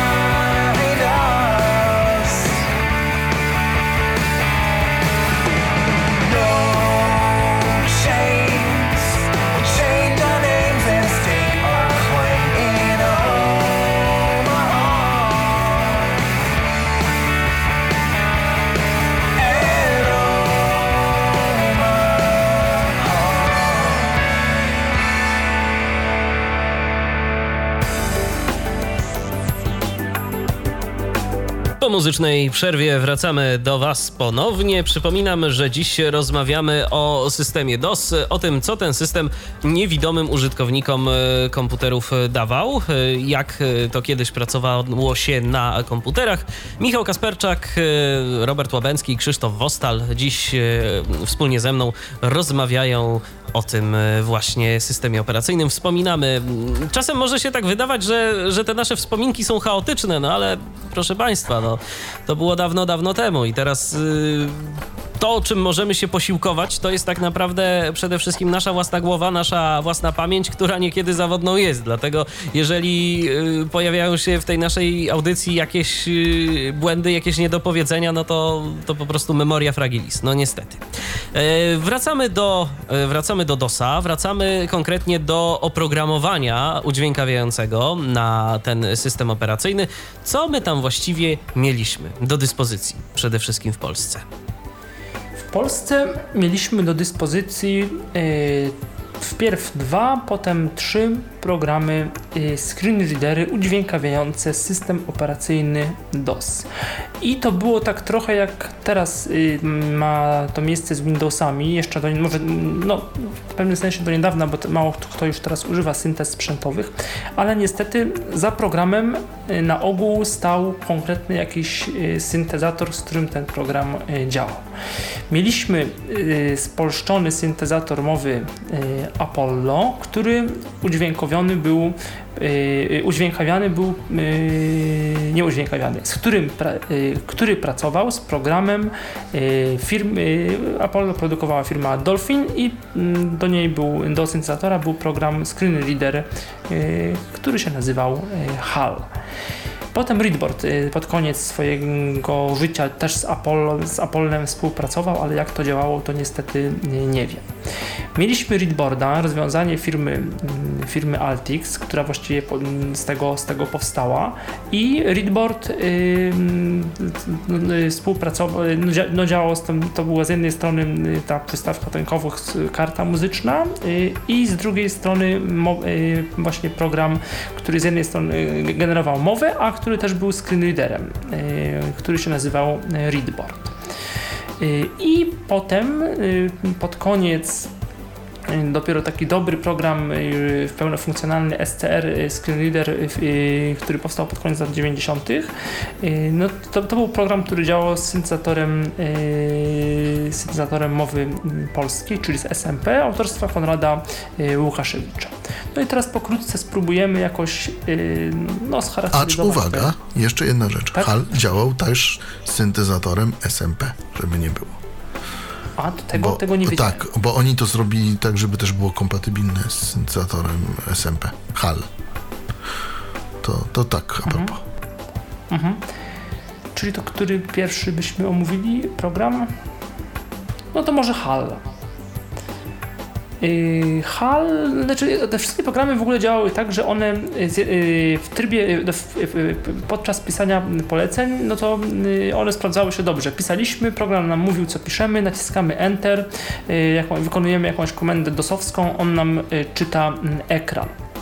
Gorzej było w jakichś aplikacjach, które, tak podobnie jak w Windowsie, które miały niestandardowy kursor, no bo Wtedy trzeba było tworzyć pliki konfiguracyjne e, w innych programach zwane plikami parametrów, które, e, które, dzięki którym można było daną, daną aplikację udźwiękowić. To tak trochę jak teraz do niedawna było w Windowsie, czyli że jeżeli coś się zmienia na ekranie w którymś momencie, w którymś miejscu ekranu, w którymś, w którymś wierszu i kolumnie tekstu, albo się zmieni kolor, albo się zmieni znak, albo coś zniknie, albo się pojawi, to program ma coś powiedzieć, albo y, przeczytać wcześniej zdefiniowany fragment ekranu, czyli okno, albo przeładowywać inny plik parametru, albo yy, komunikat jakiś powiedzieć, to już, to już mówiłem, albo coś tam y, klawisze przemap, no, chociaż z tym przemapowywaniem klawiszy to wtedy nie, to takich możliwości aż chyba, chyba nie było. No i każdy chyba z tych programów, yy, jak, znaczy na pewno HAL i na pewno Readboard, nie wiem jak to było z SCR-em, miało coś takiego yy, jak tryb yy, czytania, czyli chodziło o to, że zamrażał, zamrażał wydawała się normalna praca, nie wiem, defragmentowaliśmy dysk, jak weszliśmy w ten tryb czytania, to defragmentowanie ustało. I wówczas mogliśmy sobie swobodnie czytać od góry do dołu cały ekran, dokładnie w takim stanie jak, jak, jak, jak y, sprzed y, wejścia do tego trybu czytania. I właściwie w tym trybie no, można było, mówię tak o, o nomenklaturze hala, i w, i w tym trybie można było tylko czytać, można było z niego, z niego potem co najwyżej po prostu wyjść. I w trybie czytania można było y, ustawiać bardzo dużo niemal wszystkie właściwie opcje konfiguracyjne, y, no w tym wypadku programu HAL. Z jednej strony klawiszami funkcyjnymi parametry mowy, y, można było definiować te okna, mm, okna użytkownika, można było czytać, sprawdzić w jakiej jesteśmy linii, w jakiej można było literką A przeczytać kod ASCII, co tam jeszcze można było mm, to Michale, może ty sobie przypomnij, a my odbierzemy telefon od naszego słuchacza. Rajmond się do nas dodzwonił. Witamy serdecznie. No witam. Ja nawet nie wiedziałem, że jesteście e, dostępni teraz. Jesteśmy, jesteśmy dostępni. Ja miałbym takie pytanie. E, Google Chrome nie widziałem nigdzie jakichś e, informacji, jak się tego używa. Znaczy, ja... ja... może od razu powiem, że dzisiejsza audycja to jest o zupełnie innym temacie, bo dziś, Oj, dziś rozmawiamy, dzi, dziś rozmawiamy o DOSie. Dziś rozmawiamy o DOSie, dziś taka, dziś taka wspominkowa... O DOSie? O DOSie, tak. A kto tak. jest, tym się zajmuje? No, w, wspominkowo i historycznie zajęliśmy się my tym razem. Yy, Aha. Ale może, może właśnie chciałbyś dorzucić yy, swoje jakieś wspomnienia. Czy korzystałeś z DOSa? O jasne, jasne. No to no to, to słuchamy. To, to, słuchamy, bo to, bo to może Boże, będzie coś wartościowego. telefon, ale nie będę odpowiadał. Nie będę odpowiadał.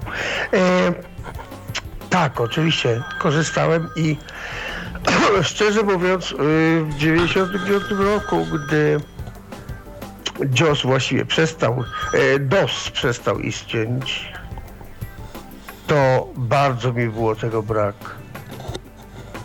Ja jestem y, facetem wychowanym na DOSie i bardzo, bardzo, bardzo długo i dużo używałem DOSa. A z jakim programem odczytu ekranu? Y, to był JOS. To był JOS, z tym, że to były wersje 3, 1 czy 2. No tak, bo, bo JOS, bo, bo właśnie jeszcze nie powiedzieliśmy o tym, że JOS to był e, program, który e, na początku właśnie służył do udźwiękawiania e, systemu DOS. Później dopiero Proszę, się pojawiły, no, tak, później się dopiero tak. pojawiły wersje dla, dla Windowsa. A jakieś takie aplikacje ciekawe y, dla DOSa, które, które może zapamiętałeś, Rajmundzie? No chyba nie, chyba nie zapamiętałem, natomiast używałem DOSa, używałem ja szczerze się przyznam, że nawet jak już e, Windows zaczęło działać w, e, w sieci, to na DOSie używałem e, coś, tak to się nazywało, e, tłumacz koma- e, komand. E, Tłumacz komend. I na czym polegało działanie tego, tego programu? Czyli wchodziłem sobie na, y, na DOSa i wtedy musiałem wypisywać wszelkie komendy, które mi były potrzebne. Tak. Na, tak? Mhm. I co, I co ten program robił? No więc ten program mi umożliwiał działanie działanie na DOSie, czyli używanie komand. Aha, Czyli to był ten tak zwany tryb MS-DOS w Windowsie. Tak, tak. tak, dokładnie. Dobrze, dobrze, rozumiem. To dobrze, no to dziękujemy bardzo za. Dziękujemy w takim razie bardzo Ci za wypowiedź. A A jeżeli wy chodzi. jesteście na antenie? Tak, jesteśmy na antenie. Jesteśmy na antenie. Cały czas jesteśmy na dużo, antenie. dużo macie y, rozmówców? No w tym momencie akurat nawet nie mam e, pod ręką, pod ręką statystyk, no ale wszystkich, którzy nas słuchają, to w tym momencie bardzo serdecznie pozdrawiamy. I za telefon dziękujemy oczywiście bardzo, bardzo serdecznie. Czekamy także na kolejne telefony 123 834 835. Jesteśmy także mm, do waszej dyspozycji na Skype'ie, z czego właśnie Raymond skorzystał, dzwoniąc do nas na login tyflopodcast.net. Swoją drogą o Google Chromie mm, kiedyś myślę, że też warto będzie porozmawiać, ale to w innej audycji z pewnością. A, cz- a propos JOSa for DOS, yy, ja powiem tylko tyle yy, ewentualnie, bo tak, ale jako ciekawostka, bo raz mi pokazano program pod DOS, który był w wersji angielskiej. Do Polski się nie przyjął, a szkoda, bo w wersji angielskiej naprawdę chodziło to bardzo fajnie i, i normalnie z Nortonem, komanderem i, i nie trzeba było nic y, konfigurować.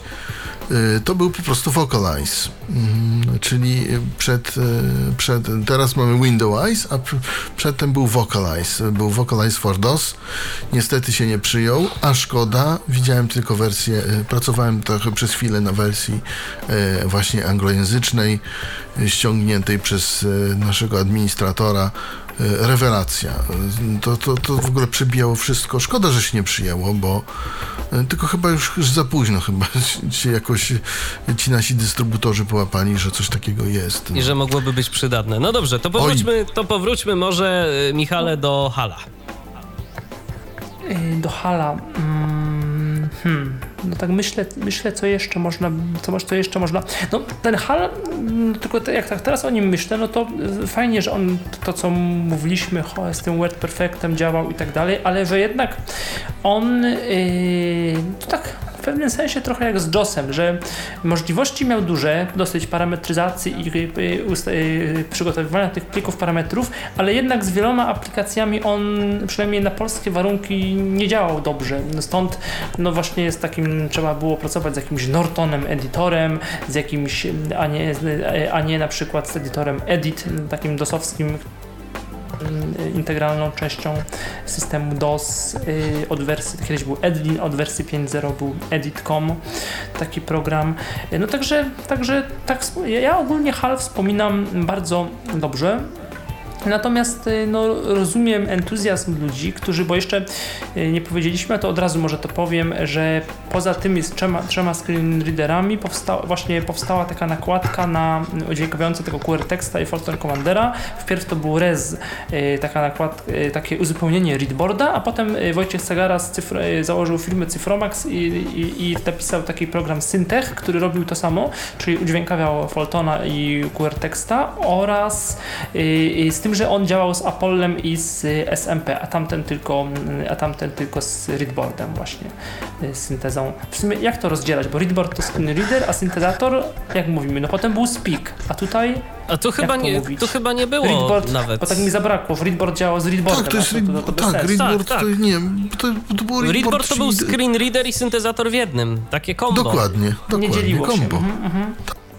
Głosu tam użyczył Jan Grębecki. To, to, to jeszcze tak, Tak. y, a propos. No, mówi to z pikiem do dzisiaj. Dokładnie, prawda? No, dokładnie. To samo. Teraz to jest speak, tam chyba w wersji trzeciej, czy, czy, czy tak, trzeciej. Teraz, znaczy, teraz to się nazywa Jan, właśnie. tak, tak. teraz to się nazywa Jan, ale Tak to to- naprawdę fajnie chodzi pod Windowsa.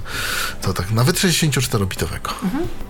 Dobrze, to E, coś jeszcze, coś ja jeszcze o halu, czy coś jeszcze o halu, czy tyle? Aha, no plusem też, e, na koniec jeszcze, plusem mogło być dla niektórych osób niewidomych to, że Apollo, Welisie miało oczywiście kostkę, odpowiednią kościę językową. Apollo był wielojęzyczny, więc też HAL był wielojęzyczny. Stosunkowo łatwo można było pliki sobie, takie prompty przygotować i komunikaty przetłumaczyć i no, można było mm, wielojęzycznie jakoś tam pracować i czytać angielskie e, teksty za pomocą tego, tego programu HAL. No to dobrze, to teraz w takim razie proponuję Krzysztofie, abyś ty yy, przejął nasz radiowy mikrofon i co nieco o readboardzie powiedział. No, Readboard to było bardzo dobre, e, bardzo duże dobrodziejstwo dla osób niewidomych. Przede wszystkim był to syntezator mowy polskojęzyczny. E, I dla mnie Apollo to zawsze mówił tak jakby powiedzieć u dentysty. E, I tak jakbyśmy mieli mnóstwo waty między te zęby, a policzki włożone e, i pod język. Natomiast Readboard był bardzo wyraźny, jeżeli chodzi o język polski. Mm, czytał dobrze nasze polskie znaki, acz- aczkolwiek z kodowaniem w DOSie też były czasami problemy i, i, i były krzaki. Jeżeli chodzi o readboarda, tak jak wspomnieliśmy wcześniej, był podłączany e, głośnik do Covoxa, to była taka, taka wtyczka. Nie wiem, czy e, słuchacze pamiętają jeszcze drukarki, które miały e, połączenie przez port LPT. E, I to była właśnie taka wtyczka wielkości LPT, no też do LPT mogła być podłączana. Ewentualnie na przejściówki się na port COM robiło. E, Do tego Covoxa e, dochodził głośniczek, który był sprzedawany w komplecie. Głośnik, Covox i oprogramowanie, które było, o ile pamiętam, na jednej dyskietce. Do tego była książeczka e, odpisująca tego readboarda. Readboard miał mm, swoje komendy, których nie pamiętam, ani jednej nie pamiętam komendy readboarda. Alt 10, tak? Tryb czytania chyba? Ewentualnie Ctrl 5. Ale te 20 coś było, tak, tak, tak, coś takiego, no. Aha. I na klawiaturze numerycznej się też dużo robiło na readboardzie. E, nie pamiętam, przepraszam, nie pamiętam e, komend. Tak samo teraz nie pamiętam, czy już po wszystkich przejściach moich komputerowych zapamiętałem, czy, czy było tak w rzeczywistości, że można było sterować barwą e, readboarda. Mógł być, o, było Y, grube. Od którejś wersji cienkie. można było, bo tam się w pewnym momencie zmieniła dosyć diametralnie synteza, yy, o chyba w wersji 4.0, natomiast w wersji 5.0 yy, doszły takie jeszcze inne ciekawe funkcje i to one były na, jak na te dosowskie screenreadery mm, innowacyjne dosyć, bo tam doszedł jakiś taki prosty, no za dużo powiedziane, że edytor, ale możliwość jakiejś takiej wewnętrznej edycji pliku. Doszedł jakiś schowek, to znaczy, że można było linię tekstu z tego trybu czytania skop- powiedzmy, no tak, nie powiedzmy, skopiować do jakiegoś schowka i gdzieś ją potem wkleić. Y, Doszła y, integracja z tym rezem, bo nie trzeba było, bo nie można, że nie trzeba było y, programu z pamięci wywrócać, wyinstalowywać, instalować reza, kiedy chcieliśmy pracować z QR tekstem albo z FC, co było super, no bo te programy się potem, szczególnie Readboard miał takie jakieś wycieki pamięci, coś, on się, on się zawieszał dosyć jednak potem, co no w DOSie to, to nie było takie rzadkie, że programy się, szczególnie rezydent. Pamiętajmy o tym, że w. DOSie nie mieliśmy e, właściwie pamięci operacyjnej RAM, z której mogliśmy korzystać. Przede wszystkim korzy- korzystaliśmy e, z pamięci, która ograniczona była do 640 KB, które trzeba było samemu wyciągnąć. Przy standardowym ustawieniu DOSa po instalacji mieliśmy do dyspozycji zaledwie 586 KB. No i trzeba było odpowiednio plik sobie konfiguracyjny command.com, autoexecbat e, napisać. No, tu, tu Autoexecbat config sys to- przede wszystkim i żeby tam... i tam config sys, i tak. E, Trzeba było sobie odpowiednio napisać, żeby to, żeby to no te 640 KB wyciągnęło. E, No stąd, stąd czasami też te, te zawieszanie się. Pamiętajmy o tym, że w DOSie my wszystkie komendy, wszystkie polecenia, które wydawaliśmy, wydawaliśmy w języku angielskim. Trzeba było angielskie komendy zdać. I syntezatory mowy, które mieliśmy, z jednej strony musiały sobie radzić z tym językiem angielskim, a z drugiej strony, tak jak Readboard, radzić sobie z językiem polskim dobrze przy czytaniu właśnie książek, przy skanowaniu i przy pracy później z rezem i z QR tekstem. Eee, QueerText to był taki, mm, jak już wcześniej parę razy żeśmy wspominali, e, program, który miał pulpit, miał nawet menu, po którym można było się poruszać. W tym menu były różne, e, różnego rodzaju op opcje. E, Do menu no chyba i... się escape'em się chyba wchodziło, nie? Do menu. Nie pamiętam. Nie pamiętam. Mam ten program na płycie. Zresztą to jest takie moje hobby, że ja zbieram płyty ze starymi programami. Mam jeszcze e, systemy operacyjne stare na płytach, mam programy na płytach e, i, i, i, tego używam. E, i RES, Readboard, y, tak jak wcześniej też wspomnieliśmy, y, w czasach internetu coraz bardziej, może nie powszechnego, ale coraz bardziej używanego, wciąż był używany. Był program Netstammer, y, z RESem tym się dało porozumiewać i to był taki dźwięk modemu, takie, takie, takie charakterystyczne szeleszczenie. To coś mi się jednak z internetem i z DOSem bardzo, bardzo kojarzy. A jak się ogólnie korzystało z tego nettamera, tak w sensie filozofii obsługi? Tam były tam jakieś takie dziwne Tam były komendy, tam były. komendy, trzeba było wpisać te, e, adres, z którym chciało się połączyć. Nie pamiętam, adres był bodajże w formie liczb i, i, i, i cyfr, e, nie jakichś tam bardzo skomplikowanych, ale jednak, jednak było. No i jak połączyliśmy się na przykład, nie wiem, ty siedzisz, ja siedzę, e, łączymy się przez modem i możemy sobie wysyłać pliki, nawet między sobą mogliśmy sobie wysłać, ale e, oczywiście też za pomocą specjalnych e, komend. Żadne przeciągnięcia, żadne e, posuwanie tak, tak, myszą. Ale później tam, bo ten, bo ten NetTamer to potem już to był taki, i, to był taki chyba, chyba kombine, tak? Że to był i klient poczty elektronicznej, tak, można tam, było i pisać, przeglądarka tak. www. I nawet taki czat był.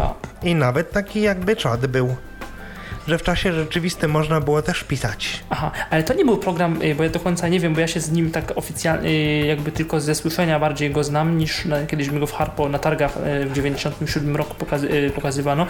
To nie był program dla niewidomych specjalnie tworzony, czy to nie. był jakiś tak, nie, to był normalny, taki normalny, zwykły program, który, który, który, był używany. To był ja program, który, który można jeszcze do dziś ściągnąć z internetu yy, i teoretycznie ta firma, yy, która stworzyła Nettamera, oni się się nazywają bodajże Nettamer Incorporated, oni dalej istnieją. Nie wiem, czy to strona ich wisi, e, czy, czy rzeczywiście coś dalej robią, ale oni oferują e, programy dla systemu DOS. W Stanach ja w 98 roku jeszcze na nim pracowałem. No to rzeczywiście, no, program, program był y, użyteczny, bo to była tak naprawdę jedyna metoda dla osób niewidomych, żeby mogły sobie y, z internetu pokorzystać. Jeszcze pamiętam, y, to ty mi, Michale, opowiadałeś, że tam czytałeś artykuły w biuletynach y, tak. takich y, komputerowych, właśnie o tym, że y, jeszcze jedną metodą na takie wczesne prace osoby niewidomej w sieci, e, to, był, e, to była powłoka Unixowa, to było konto shellowe. Tak, nie, nie pamiętam tylko czym on, czym, czym, czym on się łączył, znaczy czym użytkownik się łączył z tym z, e, jakimś takim programem, tak? Z klientem jakimś. Tak, no to musiał być jakiś program taki terminalowy, taki ty, typowo, typowo terminalowy program, bo to jeszcze, tak, było, się... jeszcze było przed czasami tych połączeń PPP. Mhm. To jeszcze I to się jakoś działało. wtedy i się potem komendami Unixowymi wysyłało pliki albo... Tak, tak, tak. I można było... Ja w ogóle wszystkim tym, którzy y, są zainteresowani yy, takimi starymi artykułami opisującymi czasy internetu lat 90., niekoniecznie z perspektywy niewidomego użytkownika, bardzo polecam wklepać w Google takie imię i nazwisko jak Jarosław Rafa. To jest y, człowiek, który pisał w latach 90. do y, różnego rodzaju czasopism komputerowych, y, sporo o internecie pisał i te wszystkie artykuły, które on napisał, dostępne są na jego stronie internetowej na licencjach Creative Commons. Jeszcze co ciekawe, więc można sobie za darmo zupełnie je poczytać, jeżeli ktoś miałby ochotę. Otworzyłem sobie otworzyłem sobie taki stary artykuł y, z moich zasobów, gdzieś tam z biuletynu informacyjnego z 96 albo 97 roku i to jest artykuł, do czego może przydać się internet osobie niewidomej i tam jest opisywana poczta elektroniczna, chyba FTP i kilka takich, y, takich właśnie nowinek. Zgadza się, no to, by, to były Y, czasy. Nie da To były ukryć. czasy, właśnie mi się przypomniało, że jeszcze w 94 roku e, pracowałem na takim e, e, arkuszu kalkulacyjnym, który się nazywał Quattro Pro. To był mój pierwszy arkusz kalkulacyjny, z którym miałem do czynienia i znowu nie mogłem sobie poradzić e, z jego obsługą za pomocą readboarda, natomiast no, ze wspomnianym wcześniej Lunarem nie było problem, nie było z tym żadnych problemów. Okej, a czy jeszcze coś, e, Krzysztofie, a propos e, readboarda e, mógłbyś opowiedzieć? Coś jeszcze pamiętasz z tych czasów? Znaczy, myślę, że to, co bym powiedział, to, to byłoby masło maślane właściwie. Wszystko o, w naszej rozmowie przewijało już się wcześniej o tym, o tym mm, readboardzie. Okej, to, To, w takim razie... ważne, to w o czym wspomnieliście Razie... Mhm. O Janie Grębeckim e, i, Marku Karbalczyku, którzy jak gdyby stworzyli tego readboarda e, i niewiele osób myślę wie, ale właśnie wersja trzecia Spika nazwana została Jan właśnie na cześć e, pana Jana Grębeckiego, któremu myślę środowisko niewidomych bardzo wiele zawdzięcza. Okej, to teraz proponuję, żebyśmy przeszli do kolejnego programu odczytu ekranu i tu, Robercie, ciebie bardzo proszę o zabranie głosu w kwestii SCR-a. SCR, czyli Screen Reader, tak najprościej y, tak to nazwano. SCR, y, czyli od screen, od czytanie i y, czy, czyli SC jak czytanie screen, czytanie i, i, i, i, i R reader. Tak, tak sobie to nazwali. Myśl, nie wiem, czy dobrze to interpretuję, to już mówię od razu. Program powstał w Instytucie Biocybernetyki i Inżynierii Polskiej Akademii Nauk. Mm, Później y, mm, autorem był mm, Konrad Łukaszewicz i spółka, że tak powiem, bo to chyba nie do końca on sam, a może do końca sam, nie wiem. W każdym razie najpierw y, jako tako nie było y, firmy ECE, tylko właśnie był instytut, który do tej pory jest, natomiast potem y, się wydzieliło z tego ECE. Z, mm, natomiast to SCR też był w kilku wersjach. I na czym polegała jego innowacyjność? Albo inaczej. Jego obsługa. Jego obsługa polegała na tym, że obsługiwało go się po brajlowsku. Y, w klawisze F, y, D, S i y, JKL odpowiadały za pierwszy, drugi, trzeci, czwarty, piąty, szósty punkty brajlowskie. Do tego jeszcze była spacja, której się czasami używało, z tymi komendami różnymi. I tak na przykład, nie, bo nie pamiętam wszystkich, bo wybaczcie Państwo, teraz już się na Windowsach pracuje, ale na przykład taka rzecz. e, Aby wyjść z programu, naciskało się czwarty, szósty, czyli literę F i e, e, literę J i, i, i L i od razu potem literę Q. No i on wtedy mówił, no to cześć. I się wyłączał. Żeby załadować plik z parametrami, naciskało się Z brajlowskie. Czyli tutaj, niech sobie wyobrażę, literę F, literę y, S, S. i potem literę K i K i, i L, dokładnie. I to trzeba było razem nacisnąć i ja wtedy mówił ładowanie pliku konfiguracyjnego i wtedy mm, trzeba napisać nazwę pliku albo ją sobie wybrać strzałkami, jak była w tym samym katalogu. Bo takie a, a, tą, a możliwości... tą nazwę piszemy klawiaturą normalną, czy też braillem? Nie. Nie, y, to, tą nazwę piszemy klawiaturą normalną. Aha, Nie, ten, okej. ten braille był po to, ten braille był po to, żeby oddzielić jakby klawiaturę normalną od tej klawiatury, od obsługi tego SCR-a. I dlatego na przykład y, troszeczkę się czekało, zanim się... Mhm. I być jakby- może też jeszcze z jednego powodu, bo nie powiedzieliśmy, przepraszam, że tak wszedłem Mhm. słowo, e, jeszcze o tych konfliktach, że, no bo HAL na przykład miał dosowski, nie wiem jak Gridboard, ale HAL dosowski e, generalnie działał e, czy, e, poza tym trybem czytania, wszystkie kombinacje klawiszy były z klawiszem Alt, czyli że Alt tam P i numer okna to było czytaj okno, Alt, e, Alt D czytaj datę, Alt D czytaj czas i tak dalej. No i to powodowało, że niektóre z tych poleceń, przynajmniej w, y, no, w DOSie mia- miały konflikt, bo y, y, były polskie literki z klawiszem Alt re, realizowane, zresztą przez zewnętrzne programy. To sam DOS jako taki polskich liter nie wspierał, musiał być program. Ogonki na przykład, albo Masowia.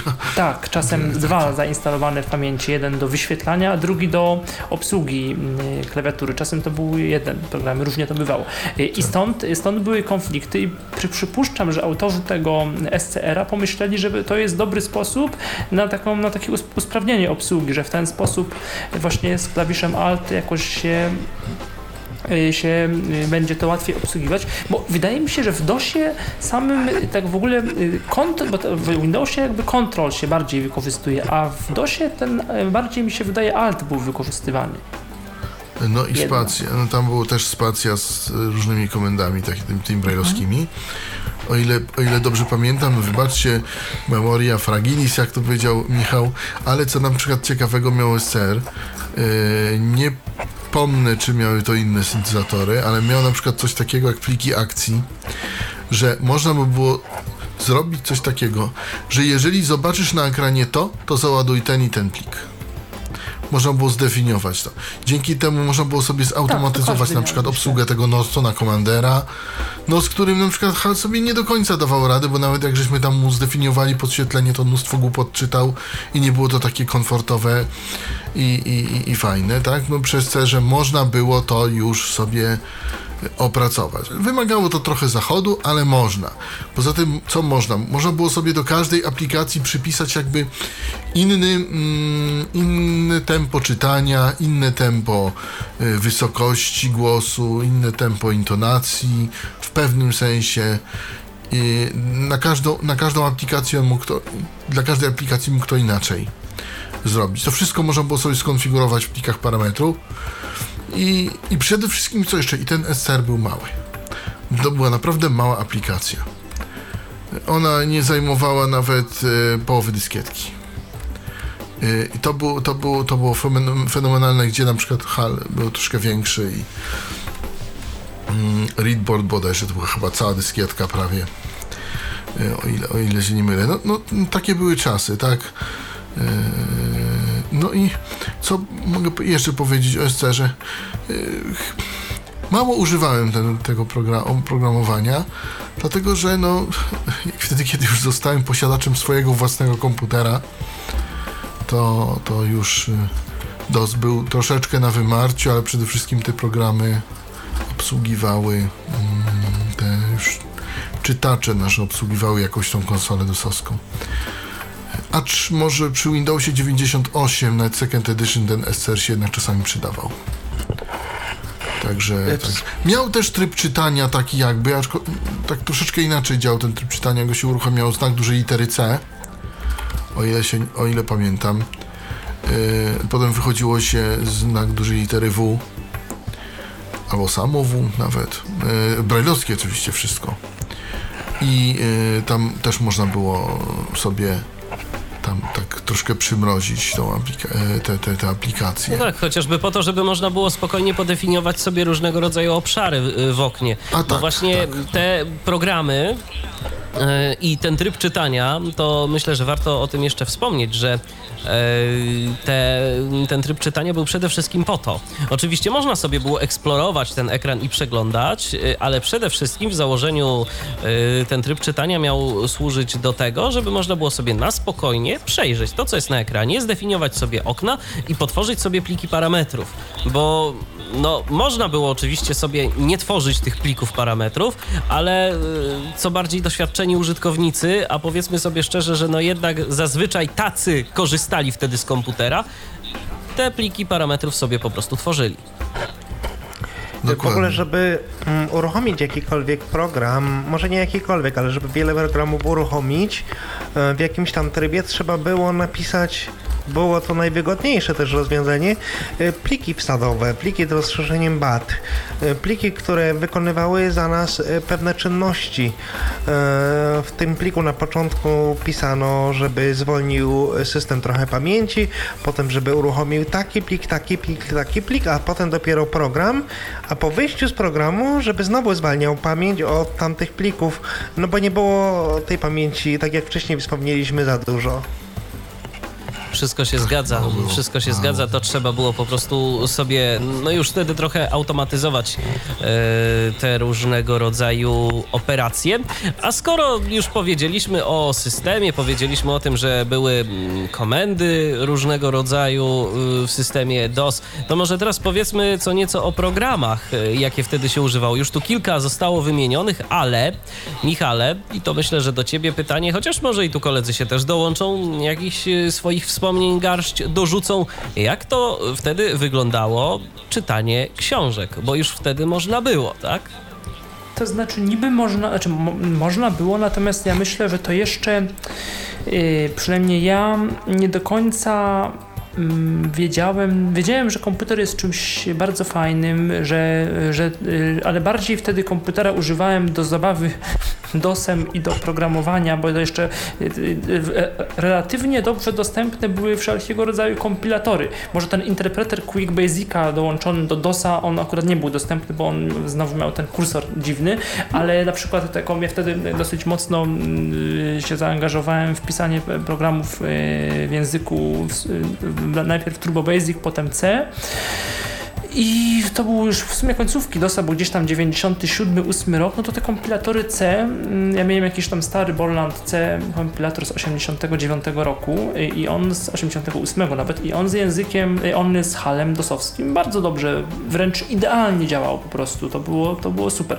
Natomiast ym, y, co do czytania książek, y, no wtedy ym, możliwości zdobycia książki były takie, że no trzeba było skądś zdobyć plik tekstowy z tą książką, a wtedy jeszcze książka elektroniczna w obiegu y, masowym no nie była, nie była gdzie, ani w obiegu masowym, ale nawet y, w ogóle często była gdzieś tam niedostępna, żeby ją od kogoś zdobyć.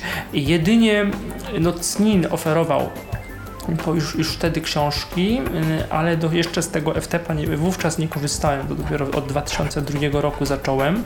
Biblioteka Centralna Polskiego Związku Niewidomych, książki, które w Braille'u, mm, to co mówiłem na początku audycji, książki, które w Braille'u y, wydawała, również udostępniała w, swojej wypożyczalni, tylko że to było tak, że y, no wtedy jeszcze nie było tak maili dostępnych internetu, trzeba było dzwonić albo wysyłać list z dyskietką, napisać co chcemy, na tą dyskietkę nagrali książki. Ja tym sposobem tak właśnie otrzymywałem biuletyny informacyjne y, i te y, wydawane przez Pawła Wdówika. Swoją drogą w bardzo ciekawy sposób y, technicznie, zaraz o tym powiem. I, mm, i inne też potem czasopisma.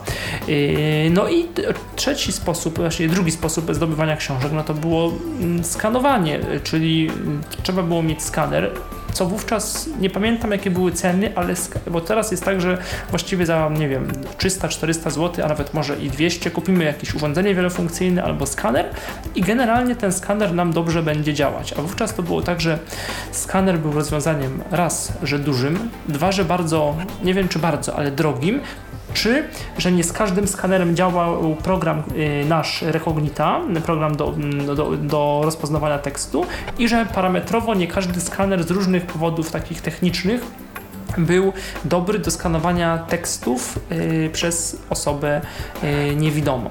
No, No i i te ten- skanery były jednak bardzo wolne, dużo wolniejsze niż te obecne. Oj tak, no bo to wszystko było na porcie, jakim, na czym to było? Na, na STS i SCSI. To tak było SCSI, tak. Teoretycznie właśnie, teoretycznie był właśnie szybki szybki port. Szybki port, ale to nie... I to- były to też był- szybkie skanery, Y, były, były. Ale to przede wszystkim chodziło raczej nie o sam port, tylko I o bo, bo, skaner, ten tylko o port, bo ten port musiał, bo ten port musiał jednak przepchnąć dużo informacji, bo to była grafika, to była informacja graficzna przecież, więc, więc to musiało osiągać dosyć e, słuszne transfery, dosyć, dosyć znaczne. Natomiast chodziło o coś innego, po prostu chodziło raczej o tą samą całą głowicę, która się przemieszczała tam pod y, szybą skanera, o tą lampę. Y, To wtedy jeszcze było dosyć wolne. Ja pamiętam w roku 99 yy, mój pierwszy skaner, to był skaner firmy Hewlett Packard. Da, no taki dosyć dużych rozmiarów, takie ciężkie, monstrualne urządzenie, kosztowało gdzieś tam ponad 1000 zł, chyba z 1500 albo coś koło tego. E, no i e, jeszcze oczywiście to już pod Windowsem Recognita wtedy, plus 4.0. Natomiast y, samo to skanowanie było raz, że wolne, a dwa po prostu y, słabe.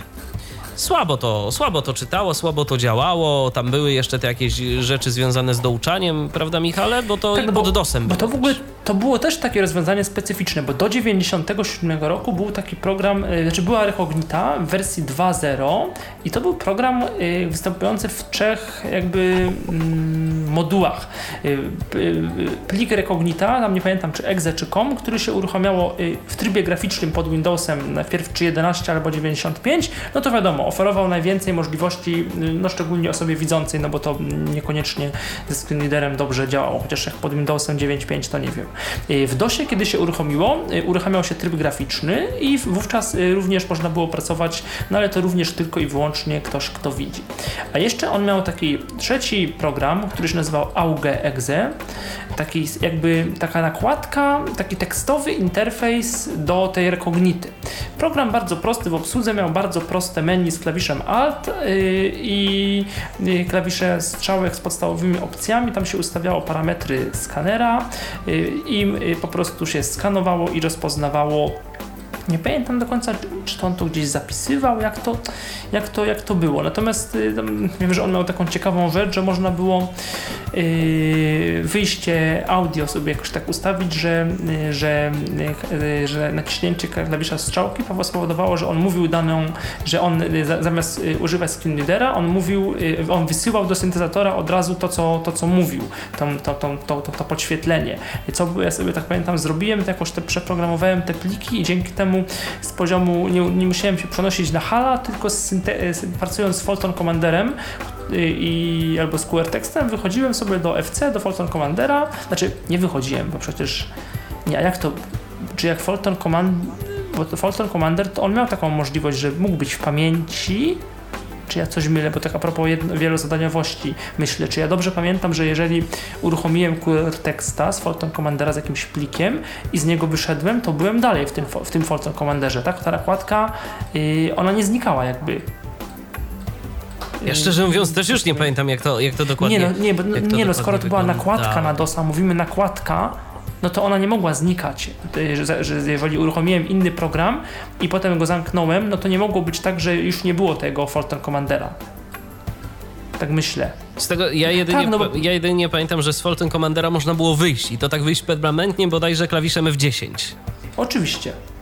Ale, ale rozumiecie o co mi chodzi, że jest Tak, tam, tak, tak. że no właśnie, nie, no, no, no, tak, no bo to by przecież, to by ludzie, no to właśnie na tym polegała popularność jego, że nie musi, ludzie nie musieli tych komend klepać dosowskich i że mieli wreszcie jakiś, nie Windows, ale taki, taki lepszy interfejs, tak. Yy, To taka dygresja. I yy, I później, y, aha, no i właśnie tak, tak, sobie, tak, tak sobie to zrobiłem, że, że nie musiałem uruchamiać hala i właśnie z poziomu, z poziomu y, tego, y, to, to miałem jakby y, udźwiękowione sy- syn- syntezą mowy i menu nie było czytane, ale podstawowe opcje można było skanować. No ale to robiło dużo, dużo błędów i w 97 roku się pojawiła mm, wersja 3 Recognity i równolegle wersja 3 Recognity specjalnie dla niewidomych. To był program zabezpieczony kluczem y, sprzętowym, się nazywał Recognita Readers, y, wersja właśnie 3.0.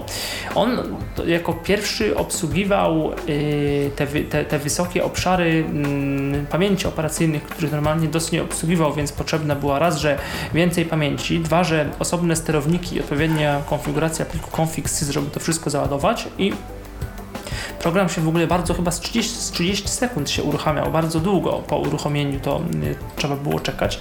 No ale już jego Znaczy on tak, jeżeli chodzi o funkcjonowanie, nie był jakiś, y, on tak samo mniej więcej wyglądał, ale y, rozpoznawanie ym, miało znacznie lepsze po prostu. To, to, już było coś zupełnie, y, zupełnie innego w stosunku do tej wersji 2.0.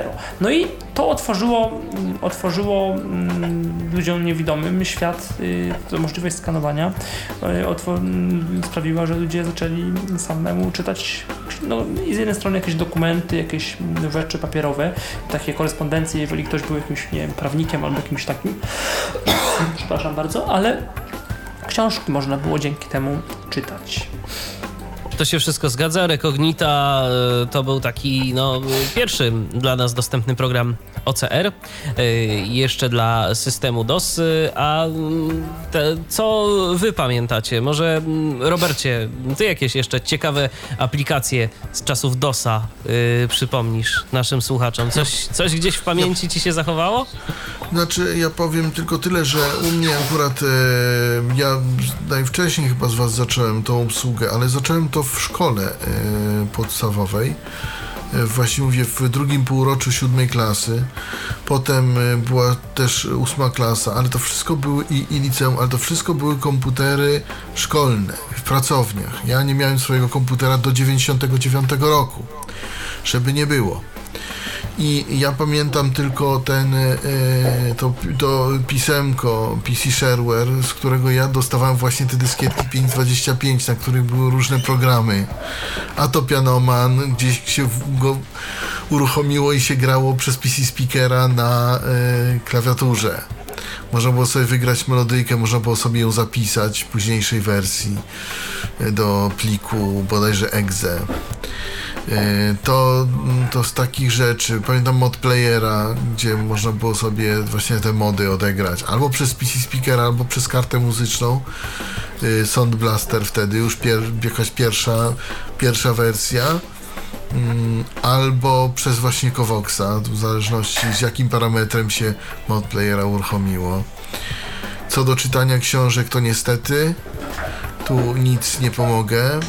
Wiem tylko tyle, że szybkie skanery były, bo taki szybki skaner był w Cninie. Jeden, bo jeden na cały Cnin, a resztę było tam, wolnych. pewnie po prostu był bardzo drogi. E, Tak, tak, pewnie, pewnie tak. No w każdym razie jeden był.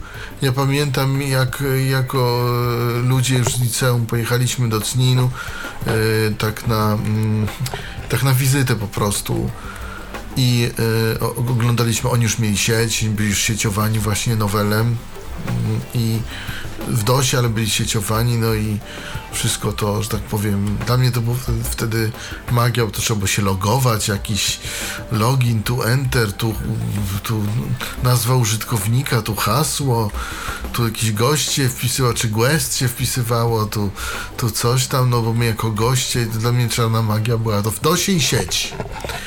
To teraz to już jest, że tak powiem, ale wtedy, wtedy były takie czasy. Swoją drogą w ogóle y, sieć w DOSie to nie była taka prosta rzecz, bo tam były potrzebne te, te sterowniki pakietowe, te packet drivers do różnych Tak, kart sieciowych. tak, to to. trzeba było też ładować odpowiednio do y, jak dobrze pamiętam. I naprawdę no, to nie było tak, y, jak jest teraz, że system nam automatycznie wykryje nasze urządzenie. Ja jeszcze pamiętam przecież, to tak... jest prościej. To taka propos, to taka, to taka propos DOSa. Mm, To taka propos DOSa jeszcze wam przypomnę yy, i naszym słuchaczom też, że kiedyś robiło się coś jeszcze jednego i to dla nas był problem. No, ale można sobie było z tym jakoś, y, jakoś radzić, ale dla mnie wprawnych manualnie był problem, bo nie wiem, czy pamiętacie, na różnego rodzaju kartach rozszerzeń, jak ktoś miał coś nowego, jakieś urządzenie, to były takie zworki malutkie, Były. i ustawiało się różnego rodzaju parametry urządzenia, między innymi przerwania. A jak były konflikty przerwań, no to działy Oj, się ciekawe oj, rzeczy. To, to, to, to trzeba było naprawdę. To, to nie było tak jak teraz, że w zasadzie no wkładamy jakieś urządzenie do naszego komputera i w zasadzie jak podłączymy kabelki, to jest ok. To nie ma prawa nie działać. Nie, nie. Y, jeszcze do niedawna, jak były starsze dyski na y, tą taśmę, na IDE, y, to wtedy... Ultra ATA. Tak, dokładnie. Y, Nawet. Nawet też. Y, Były te zworki, gdzie się ustawiało tam y, kolejność master, slave na danej taśmie.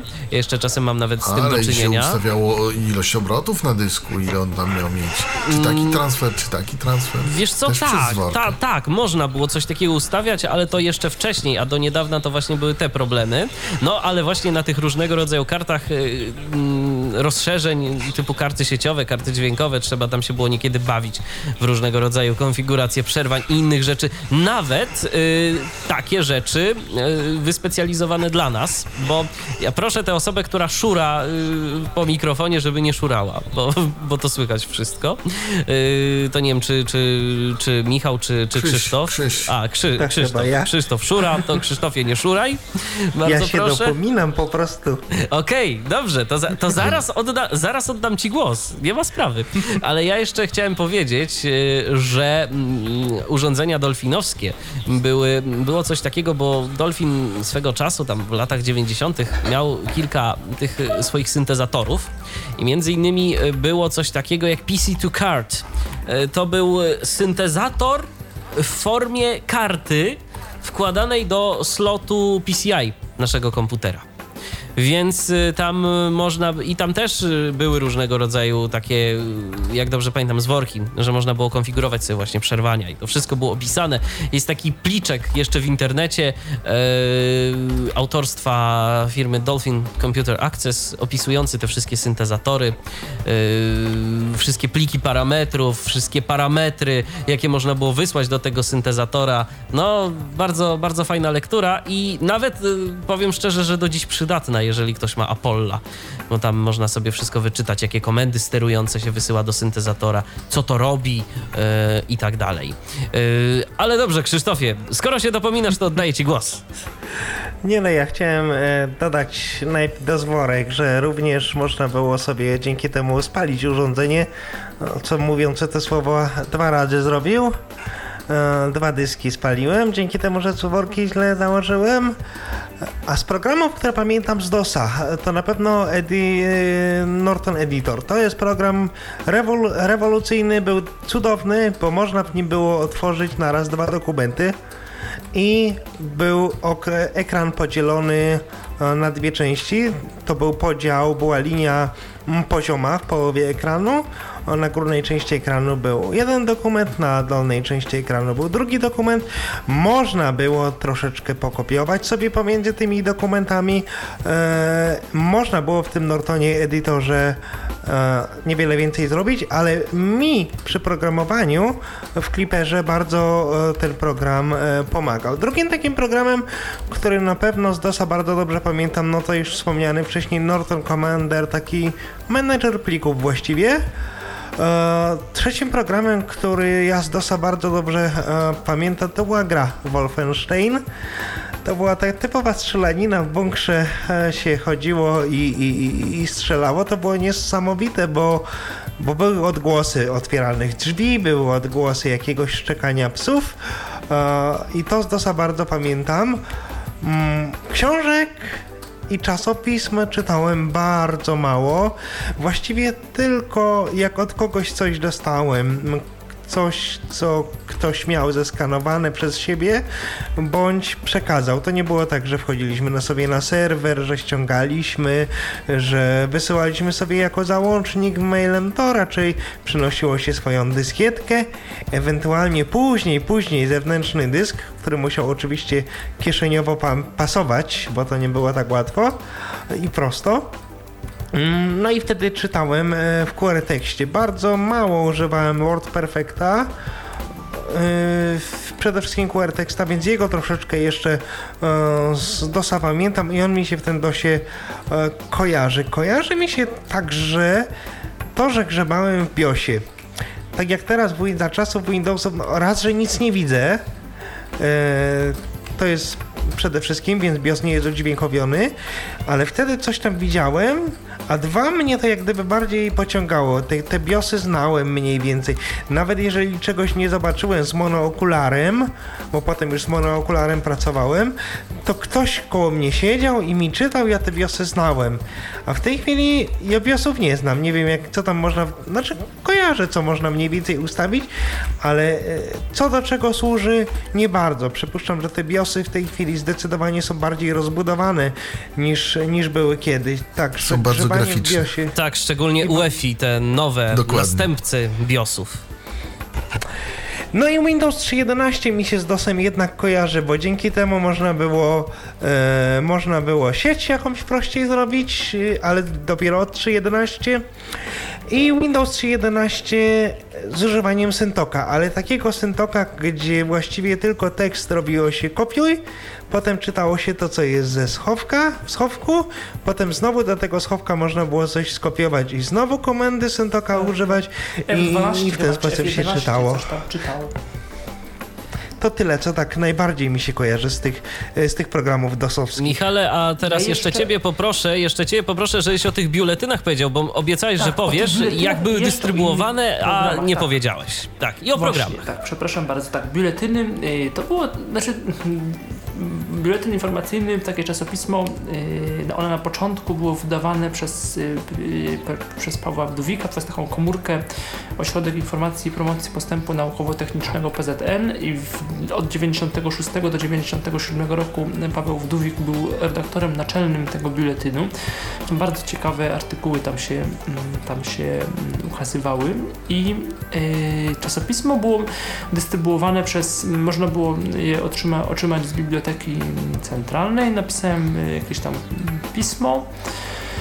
To jeszcze wtedy maila, maila nie miałem i no i dostałem. I wyglądało to tak, że na dyskietce były programy, y, Hawde czasopismo to był taki program y, w formacie exe. Nie wiem, czy to było samo rozpakowujące się archiwum, czy coś takiego, ale uruchamiało się.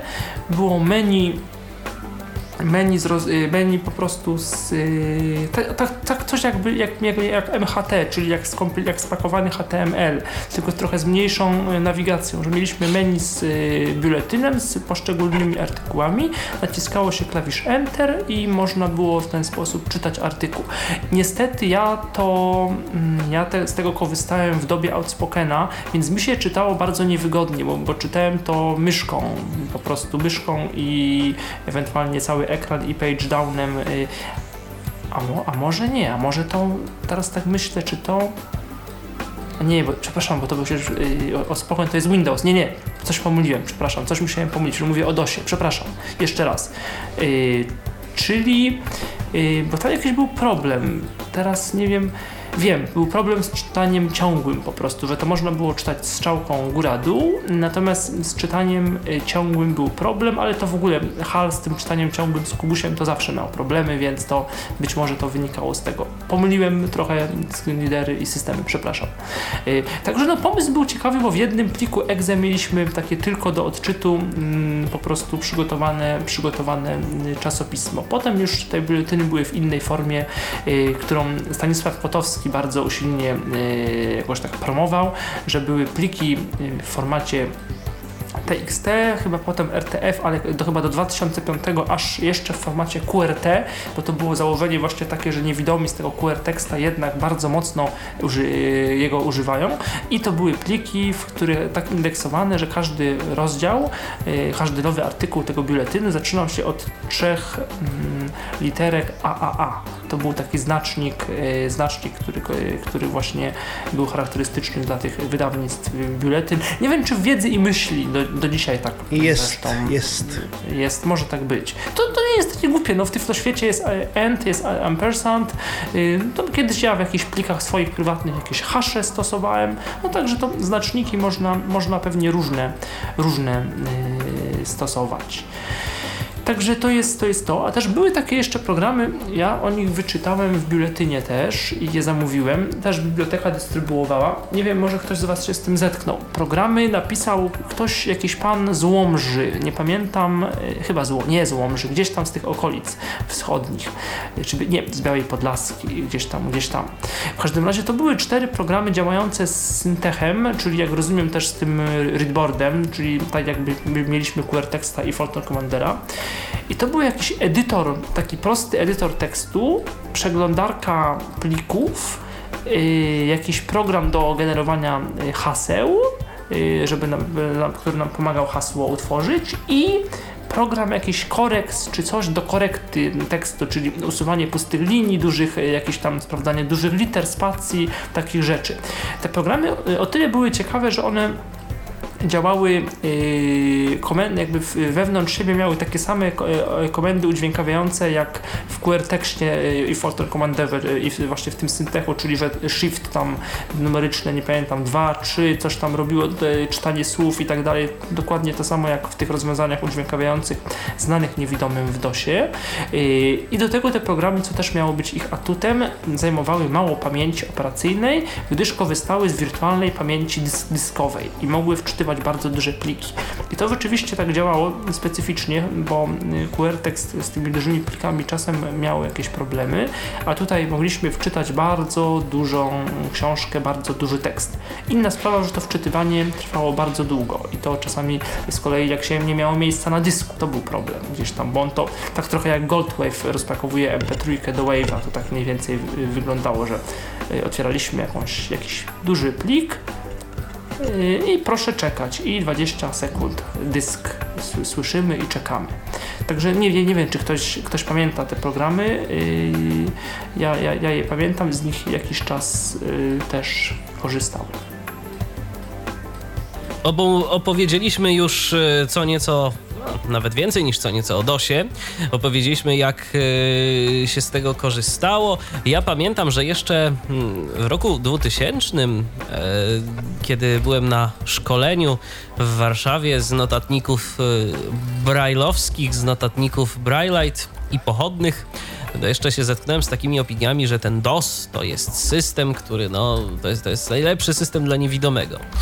No, Okazało się, że życie to zweryfikowało mm, w taki, a nie inny sposób, ale jakie były wasze okoliczności rozstania się z DOSem? Kiedy uznaliście, że już czas najwyższy przejść na Windowsa? Mm, Czy musieliście, czy chcieliście? Krzysztofie, może Ja od jeszcze na ciebie. końcu. A, A, dobrze. dobrze.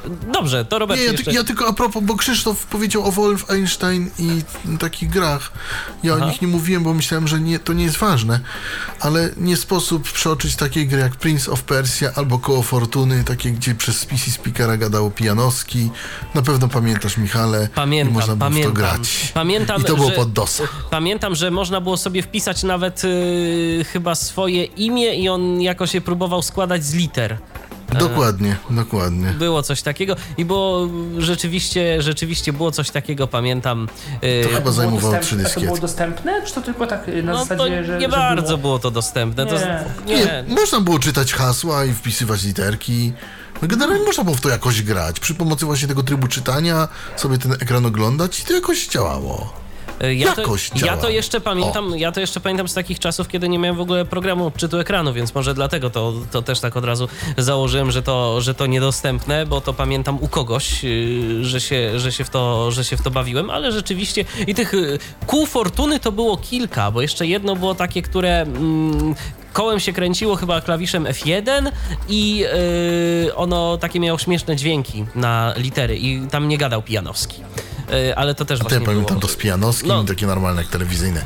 Tylko, że ten dźwięk był taki, był z, z Tak, on speakera, był no to- bardzo taki, on był bardzo taki Taki przytłumiony. w Tak, tak, Tak, tak, Właśnie mniej więcej tak to brzmiało.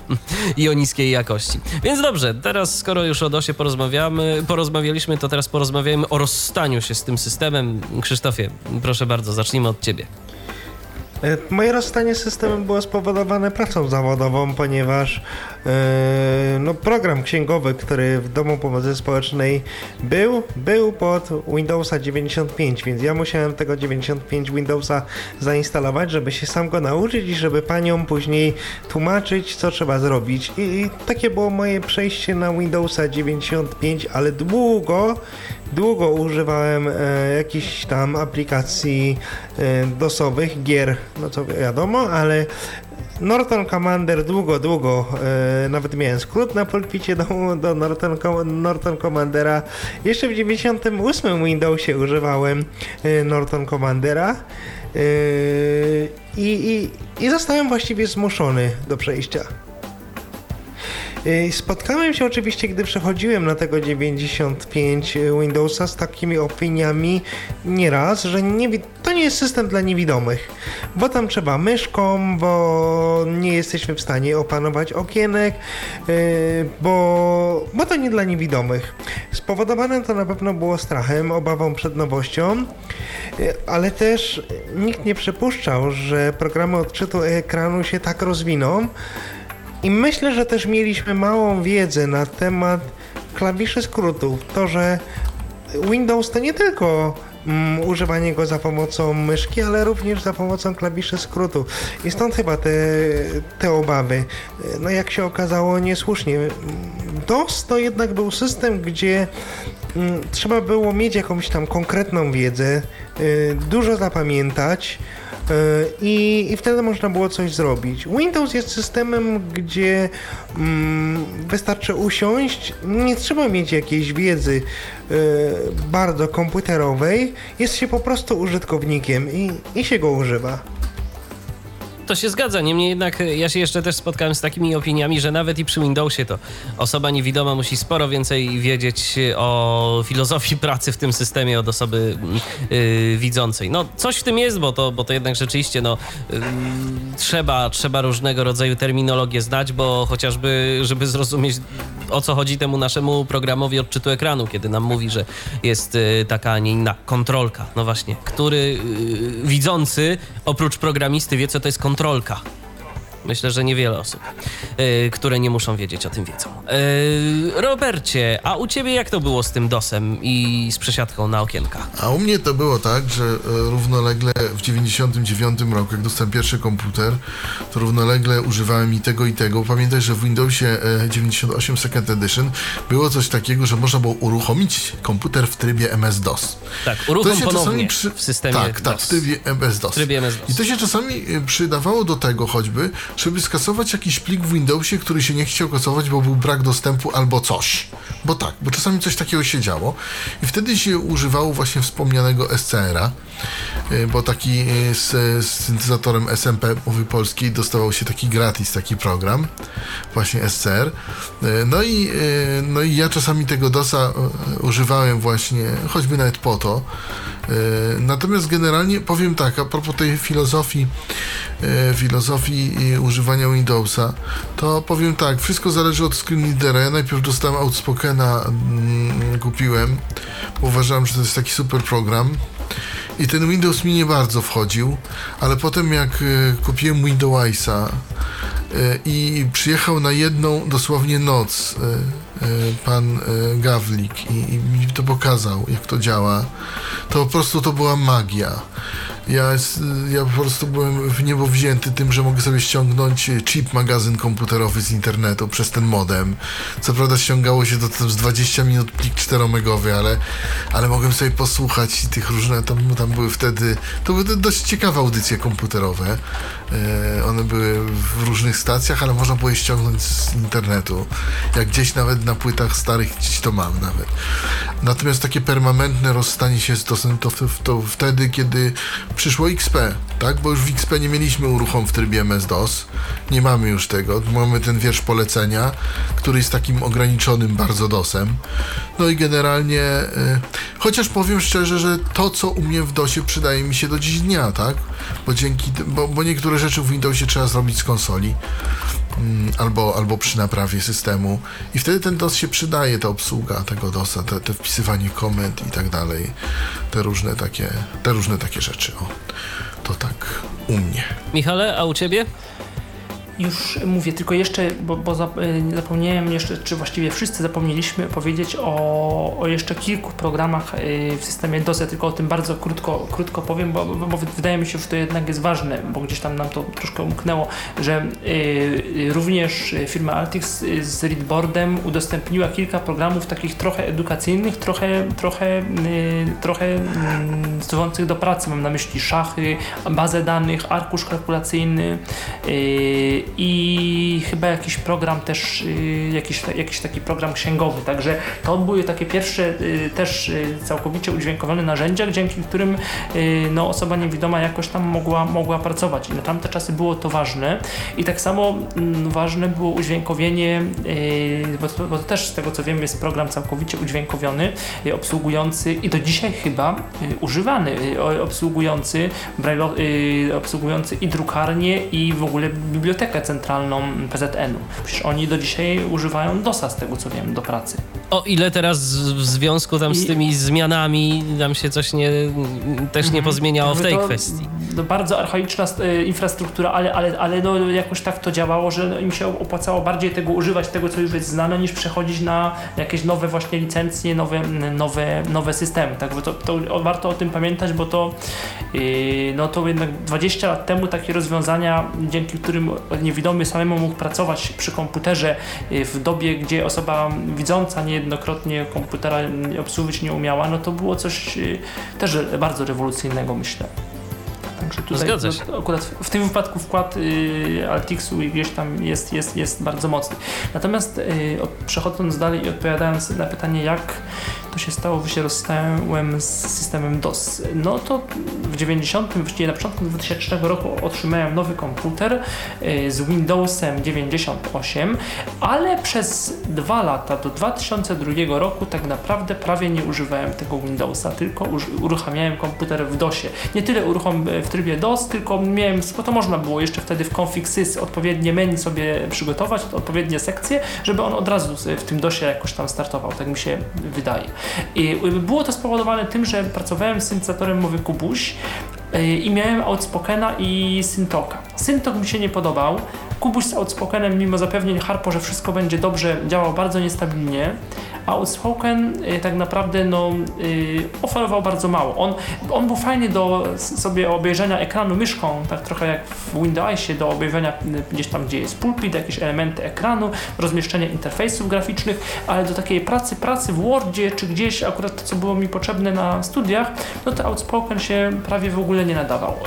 I a tu w DOSie miałem znane już trochę książek, tą, no tą rekognitę przede wszystkim dosowską, której używałem, QR teksta, yy, czyli takie rzeczy, no, które mi były potrzebne do pracy, które musiałem pisać jakieś teksty, pracę, coś tam, no, przede wszystkim skanować książki.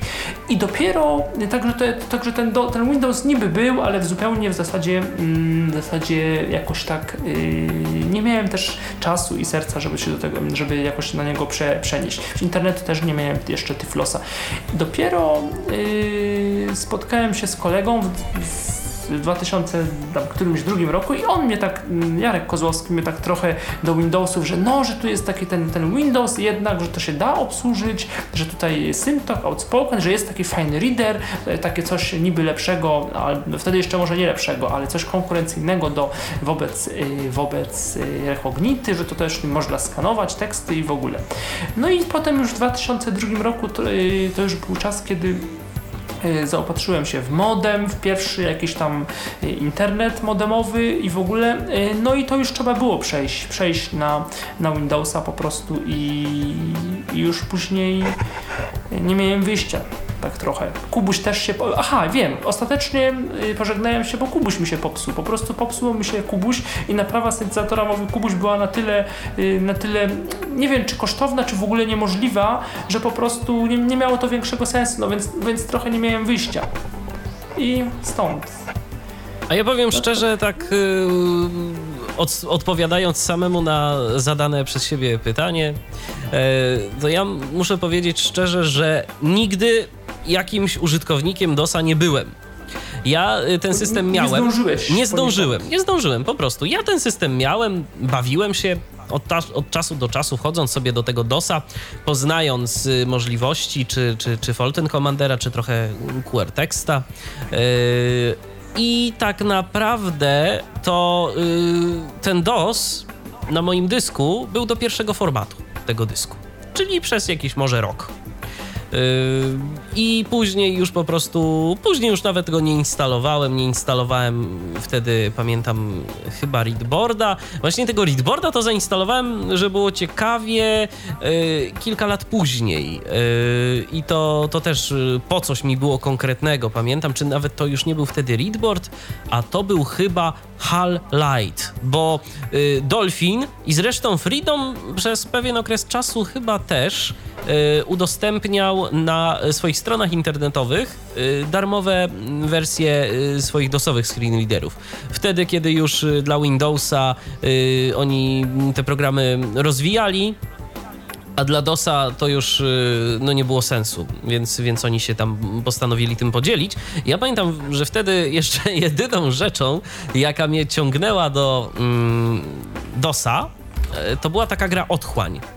Y, Taka gra, mm, jeszcze wtedy internet modemowy, więc sobie w mudy nie mogłem pograć. To była taka, to była gra nie mud, tylko sud się to wtedy nazywało, yy, czyli po prostu na pojedynczego użytkownika od single user. Yy, można sobie było tam grać, chodziło się po jakiejś takiej krainie, no i różne rzeczy się tam robiło. Trzeba było wykonywać różnego rodzaju misje, trzeba było zdobywać punkty doświadczenia, różne przedmioty i tak dalej, i tak dalej, więc po to się przełączałem yy, na DOSa, żeby sobie w to pograć. I nawet szczerze mówiąc nie pamiętam kiedy y, już kompletnie z tego DOSa zrezygnowałem.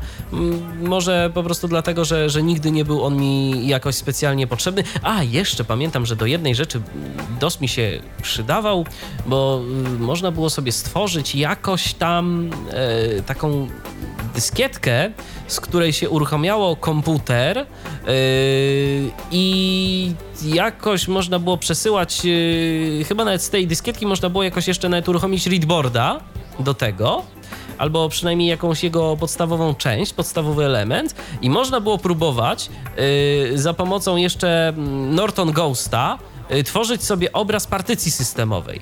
Ale ja to zrobiłem tylko raz i yy, stwierdziłem, że więcej tego robić nie będę, bo y, kiedyś zainstalowałem, bo, bo kiedyś zrobiłem sobie ten obraz, no i system już mi się zaczął sypać. Windowsa 98 Second Edition, którego miałem, no to trzeba było tak raz na trzy miesiące reinstalować do pół roku, bo przynajmniej u mnie to tak wyglądało, bo to jeszcze były wtedy te czasy, kiedy te wszystkie chipy, nie chipy się kupowało. No a wiadomo, no trzeba zobaczyć jak te programy działają, to sobie możecie wyobrazić, co to tam było i co się działo z tym systemem. No ale też Windows też bardzo poszły do przodu jednak pod względem. Tak, oczywiście. No, kiedyś, to, kiedyś to dnia nie było, żeby się Windows nie zawiesił.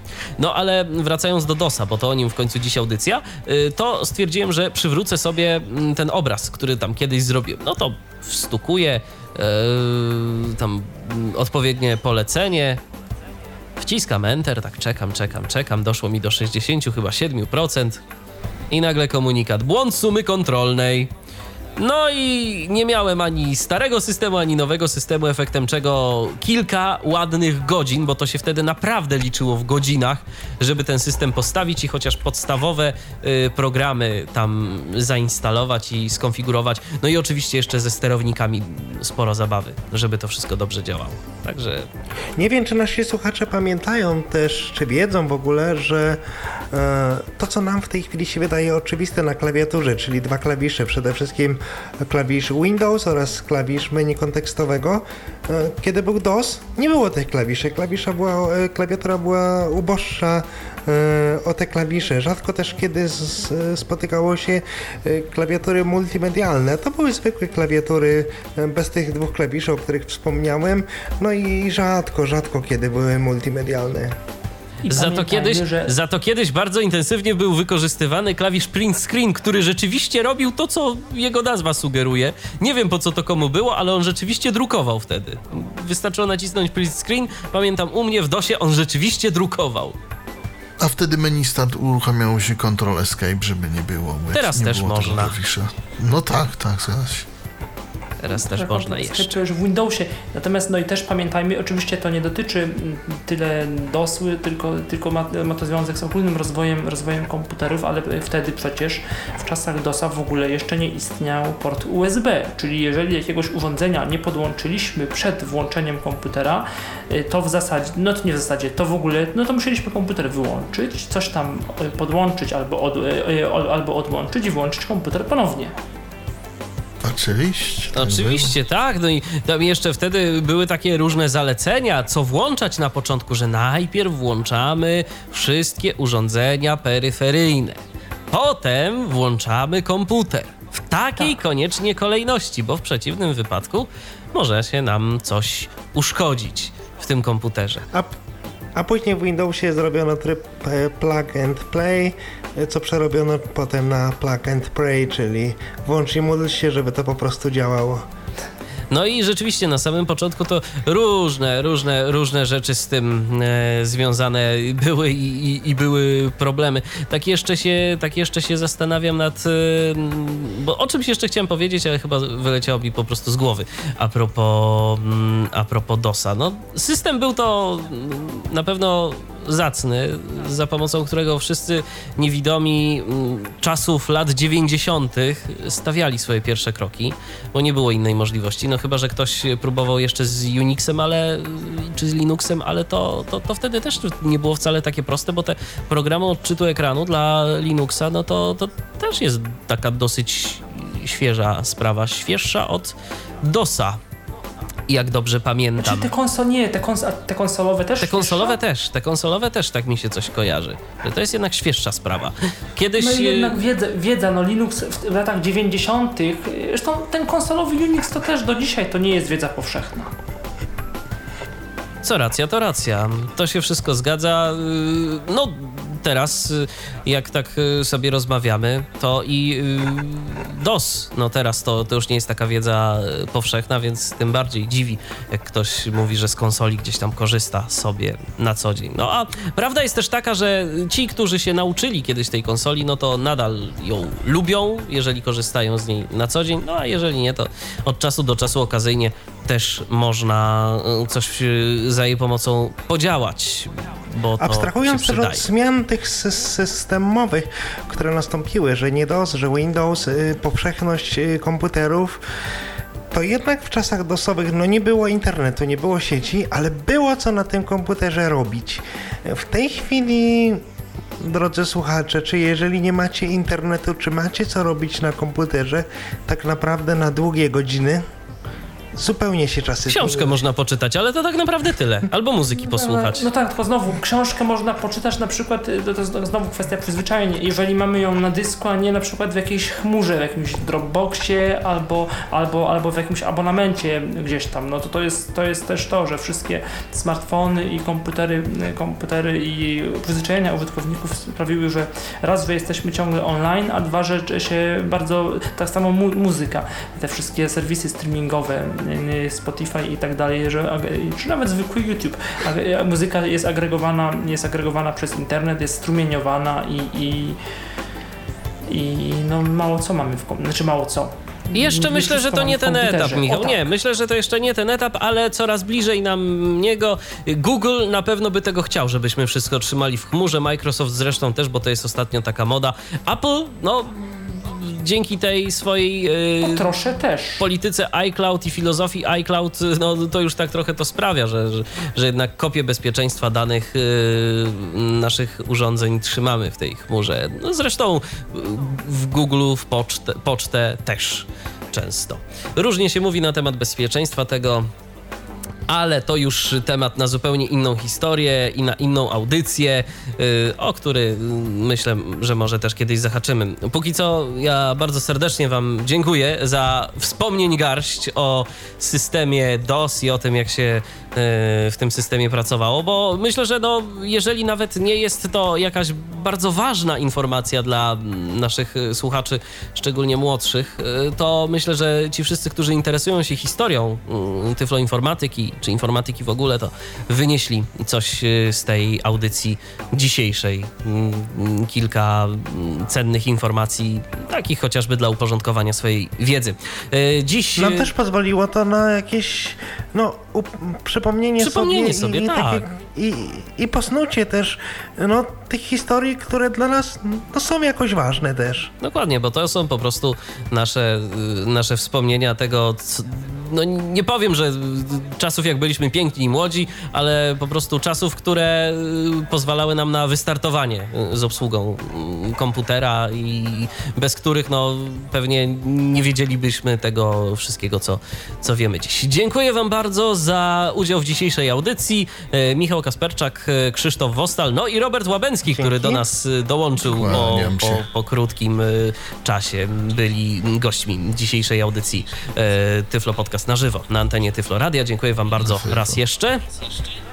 Dziękujemy. Do usłyszenia. My spotykamy się w Tyflo Radiu, w Tyflo Radiu już y, w najbliższą środę po godzinie 19. Zapraszam bardzo serdecznie na audycję poświęconą y, temu wszystkiemu, co y, w urządzeniach mobilnych piszczy. Mm, Tym razem będzie o systemie iOS, a konkretnie o aplikacji Lyre. Postaram się na żywo zaprezentować możliwości tej aplikacji. To jest taki bardzo fajny czytnik RSS, który umożliwia oprócz tego, że mm, subskrybowanie kanałów, grupowanie ich w folderach, to pobieranie treści tych kanałów. Do usłyszenia, do środy. Michał Dziwisz, kłaniam się. Był to Tyflo Podcast. Pierwszy polski podcast dla niewidomych i słabowidzących. Program współfinansowany ze środków Państwowego Funduszu Rehabilitacji Osób Niepełnosprawnych.